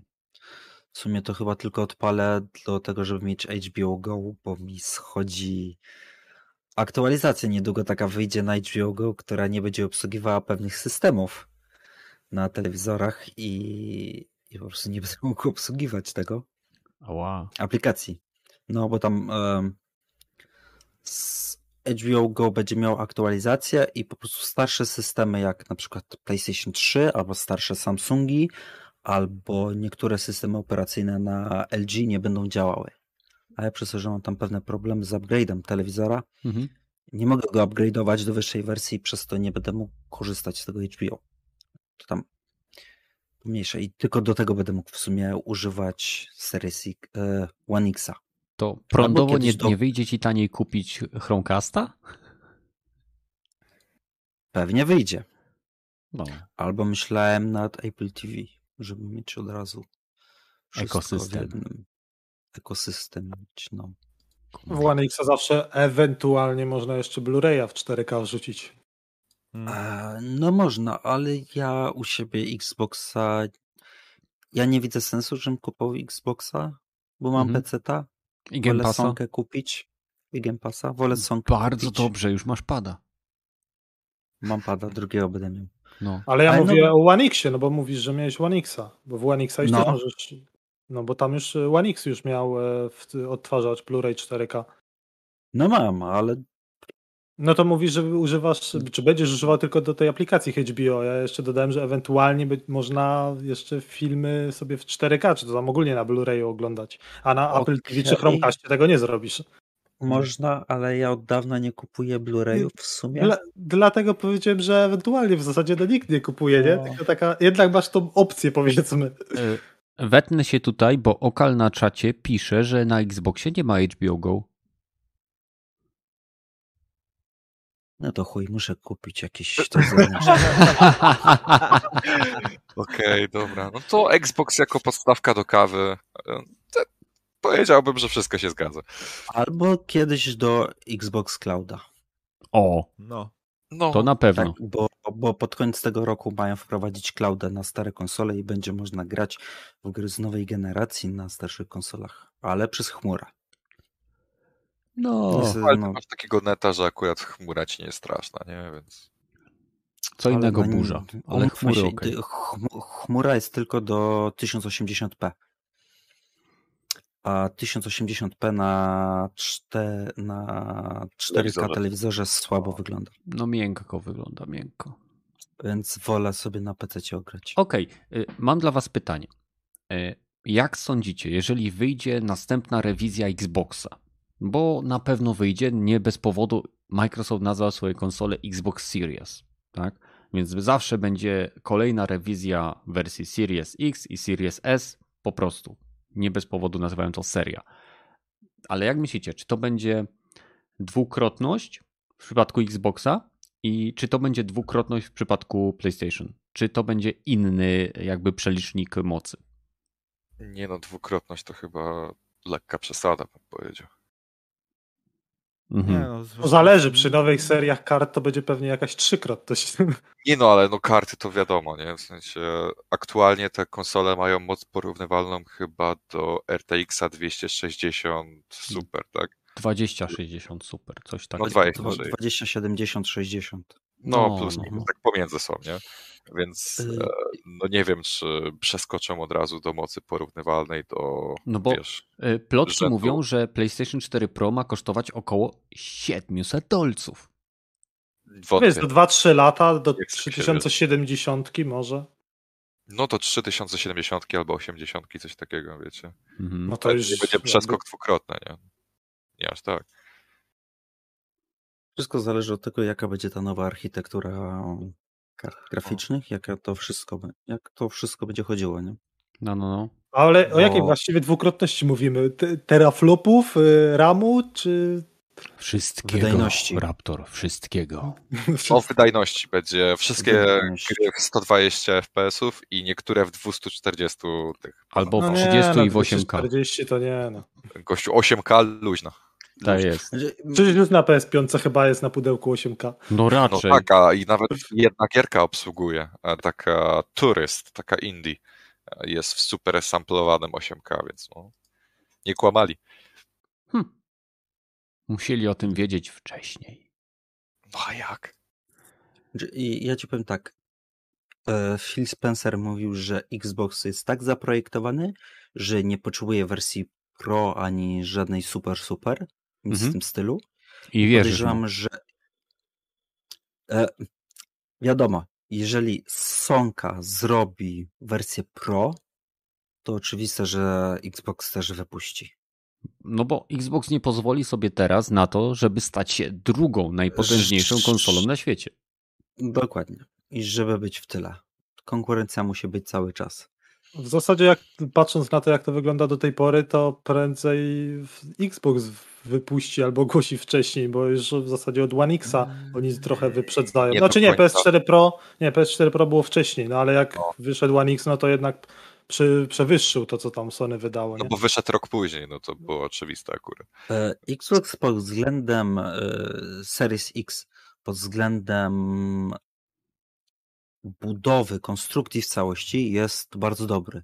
Tak, Nie muszą modularny. nic wypełniać. Popatrzcie, Son- Sony teraz wypuściło nową wersję Mhm. i tam jest kurwa połowa konsoli zmieniona w środku. Nie, nie, co- radiator i przesunięte no, jest Wi-Fi. No, no okej, no ale ktoś to... z ilu, ile waży radiator? 30% tej konsoli? E, pewnie tak, 300 gram mniej waży nowa wersja, tak. Ktoś Ale to wcześniej źle zaprojektował i dopiero po jakimś czasie dopiero się skapnęli i to prze, przerobili. Okej, to nie jest plus, tak, że źle nie? zaprojektował, bo oglądałem materiał, w którym e, dowiedziałem się na przykład, że e, wiele elementów nie jest stuprocentowo pewnych do momentu uzyskania pierwszej wersji produkcyjnej. Dlatego na przykład w przypadku Mhm. konsoli Xboxa y, y, inżynierowie byli w stanie podnieść taktowanie zegara chyba o 9% y, w, chyba w One Xie i y, nie, nie Series X, tylko One Xie, ze względu na to, że po otrzymaniu wersji produkcyjnej okazało się, że mają termiczny y, zapas jeszcze, jeśli chodzi o chłodzenie, że mogą podkręcić te podzespoły. I y, w przypadku Sony, jako że Sony dało dupy z PlayStation 4 i, i ze sposobem, w jaki ona była chłodzona, jak działały te wentylatory, oni przegięli z chłodzeniem, które zostało zamontowane w wersjach premierowych, żeby mieć stuprocentową pewność, że to będzie działało chłodno i cicho. A teraz, y, przez to, że mają telemetrię z milionów konsol, które są w domu i mają wersje produkcyjne, wiedzieli o ile mogą zmniejszyć ten radiator i przez to, że on ma o wiele mniejsze opory opływu, czyli to powietrze szybciej przepływa przez ten radiator, y, konsola wydaje z siebie więcej ciepła jest cichsza. Więc- czyli e, e, wywalili te rzeczy tak, Mhm. żeby z, uzyskać profit z tego i żeby być na granicy po prostu wydajności i odprowadzonego ciepła. Ale dlaczego na granicy? Znaczy, Żeby się mieścić w parametrach, które sobie ustalili. To nie możemy powiedzieć, czy to jest granica, bo to jest tak, Nie. jakbyś powiedział, że wtedy Xbox, jak mógł podkręcić o te 9 stopni, znaczy 9%, czy ileś tam podkręcił z- GPU, CPU, y, czy pamięć, że podkręcił też tak, żeby być na granicy. Nie, okej, oni dobra, mieli, mieli y, he- headroom, Z, nie? z, źle powiedziałem. E, może, żeby zminimalizować, żeby obniżyć straty, na przykład jakie ponoszą, żeby z, Tak. zwiększyli wtedy profit? Tak, no bo teraz Ale wreszcie dyskowa konsola czas- nie traci. No nie. Ja Jest mam to- teorię spiskową. No, Rok temu, da. kiedy to jeszcze trwała tak typowo pandemia, nie, no to e, projektanci Sony stwierdzili, ej, zaprojektujmy konsolę, która będzie też ewentualnie zajebistą bronią do walki z zombiakami, nie? Zróbmy, aby była zajebiście ciężka, zajebiście duża. E, Albo żeby filtrowała kształt, powietrze. miała dziwny wirusów. kształt, e, no, to będzie zajebista broń do walki z zombiakami, nie? Ale No. teraz, po roku, zdali sobie sprawę, no kuźwa, no pandemia się już niemal kończy, nie ma zombiaków, kij, dobra, zróbmy lżejszą.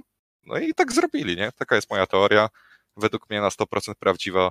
Tak. Mm. To ja uważam, że divkity były lepsze, bo jeszcze tam można było pizzę odgrzewać na nich. No, Ale tylko no, jeden kawałek, stary, to, to bez przesady. No dobra, ale czasem masz ochotę tylko na jeden kawałek, a pizza leży zimna. Wiesz o Dobra. co Po prostu dla Amerykanów. W każdym razie y, 300 gram mniej, mniej na każdej konsoli to jest 300 gra- gram mniej na transporcie, 300 gram mniej na y, jakby opłatach, y, na materiałach, więc fuck it, nie?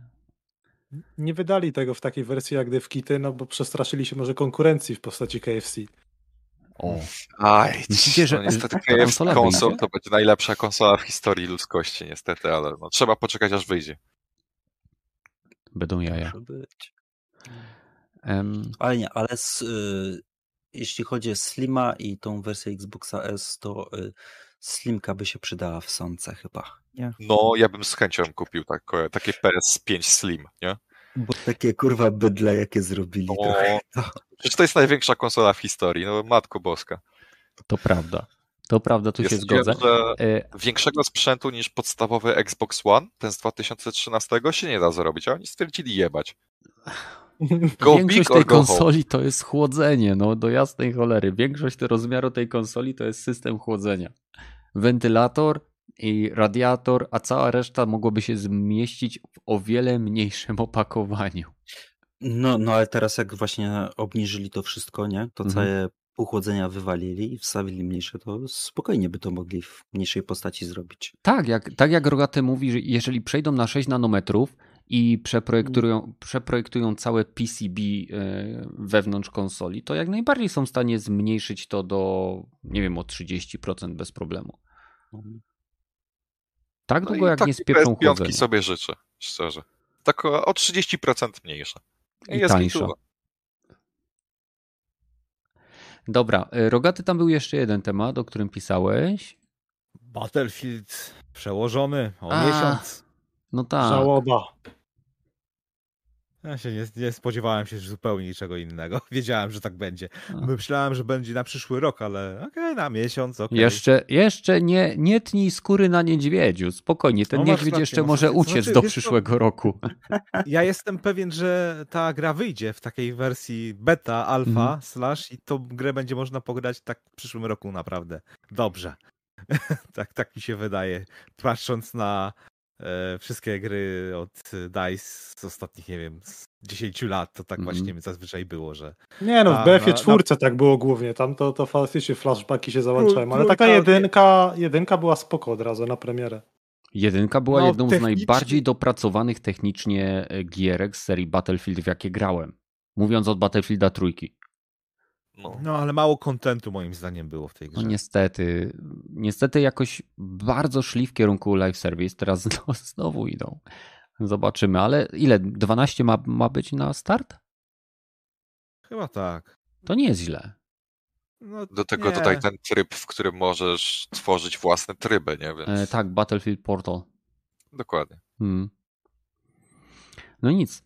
E, ja i tak kupuję prawdopodobnie tą gierkę na premierę. Z tego co wiem, Raptor ma już preorder.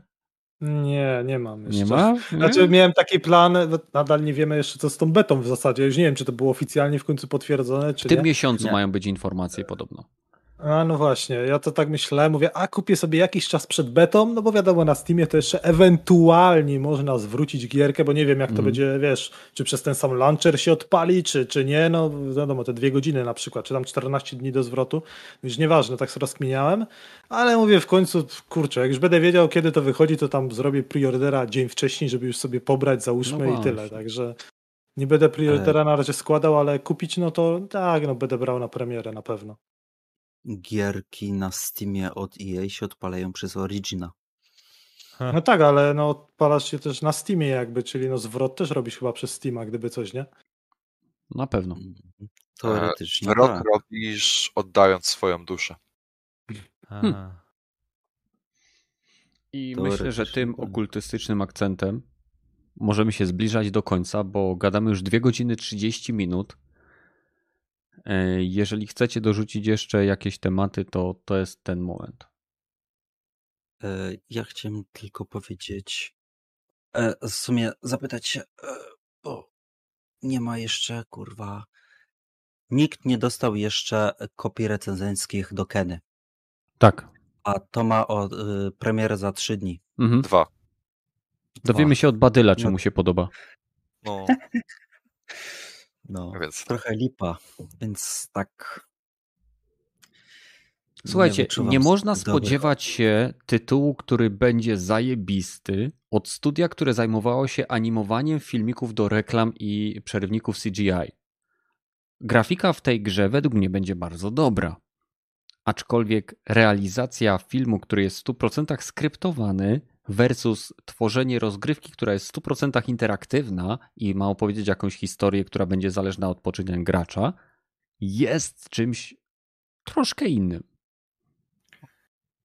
Ale to troszeczkę jednak ich nie usprawiedliwia. No, oceniamy Nie, nie, ja ich nie grę. usprawiedliwiam. Chodzi Ej, mi o to, żeby trzymać swoje oczekiwania w szachu. No tak, to na pewno. z drugiej strony nie oczekiwałbym, aby ta gra była jakoś nie wiadomo jak zła, bo trzy miesiące temu, kiedy e, niektórzy mieli dostęp do dema tego Mhm. tytułu, no to wyrażali pozytywne opinie na temat tego ułamka gry, więc e, nie O. wiem. Myślę, że to będzie przynajmniej ok produkcja. Ja pamiętam, jak dziennikarze, to chyba było na E3, wychodzili zachwyceni na kamerach z pokazów Cyberpunka z dema. No dobra, ale umówmy się, e, demo Cyberpunka było przygotowane przez e, więcej osób niż to studio kiedykolwiek będzie mieć, więc no właśnie. No. Słuchajcie, No, po bo prostu- Mad Max 8.2 pisze nam odnośnie tego, że powinniśmy pomówić o Gran Turismo trybie fabuły, który będzie wymagał połączenia z siecią. Chcecie o tym pomówić? Um, Dla mnie nie- dla mnie też ogólnie- wymagało połączenia z Tak. netem, więc nie spodziewałem się niczego innego. Oni tłumaczą to, Tak. że chodzi o to, żeby ludzie nie przerabiali save'ów. No, żeby ludzie Dobry argument. nie No. dawali sobie miliona, e, milionów monetek, aby kupować sobie wszystko, co jest dostępne w kampanii. Mhm. Diablo 3 na konsolach. Diablo No, 3 na dokładnie. konsolach? Od dawna No ludzie, ludzie Mhm. strasznie manipulują tą grą i dają sobie przedmioty, wiesz. No jak masz damage na, na itemie e, 9999999999999, no to coś jest nie halo, nie? Dlatego No. nie grałem w Diablo trójkę z online, żeby ludzie mogli No. wchodzić, bo raz wszedł mi gość i nie wiem co zrobił, ale wskoczyło mi chyba 30 poziomów. W każdym razie skasowałem postać, zacząłem od nowa, y, brałem tylko private i mówię pierdolcie się. No, Wiesz, Teraz jak wychodzi w Diablo nowy sezon, wchodzisz do gry, w 3 minuty masz maksymalny poziom, także wiesz. no Bo dlatego tak nie, jest- dziwi, nie bo- bo tak się, bo, bo tak się teraz gra w Diablo. To tak jakby No, ktoś ale- grał w ale- tego, w Deadloopa na kodach. Na przykład. No tym bardziej, że w Gran Turismo te auta, które odblokujesz za pomocą kredytów z kampanii, no będziesz mógł zabrać do trybu multiplayer, nie? Więc to by było Mhm. trochę nie fair. Ale u, sobie po pięciu minutach, wiesz, Tylko ogarnął tryb arcade ma być bez online. No ale to No, jest ale umo- standard. Mhm. umówmy się, teraz wszystko jest always online.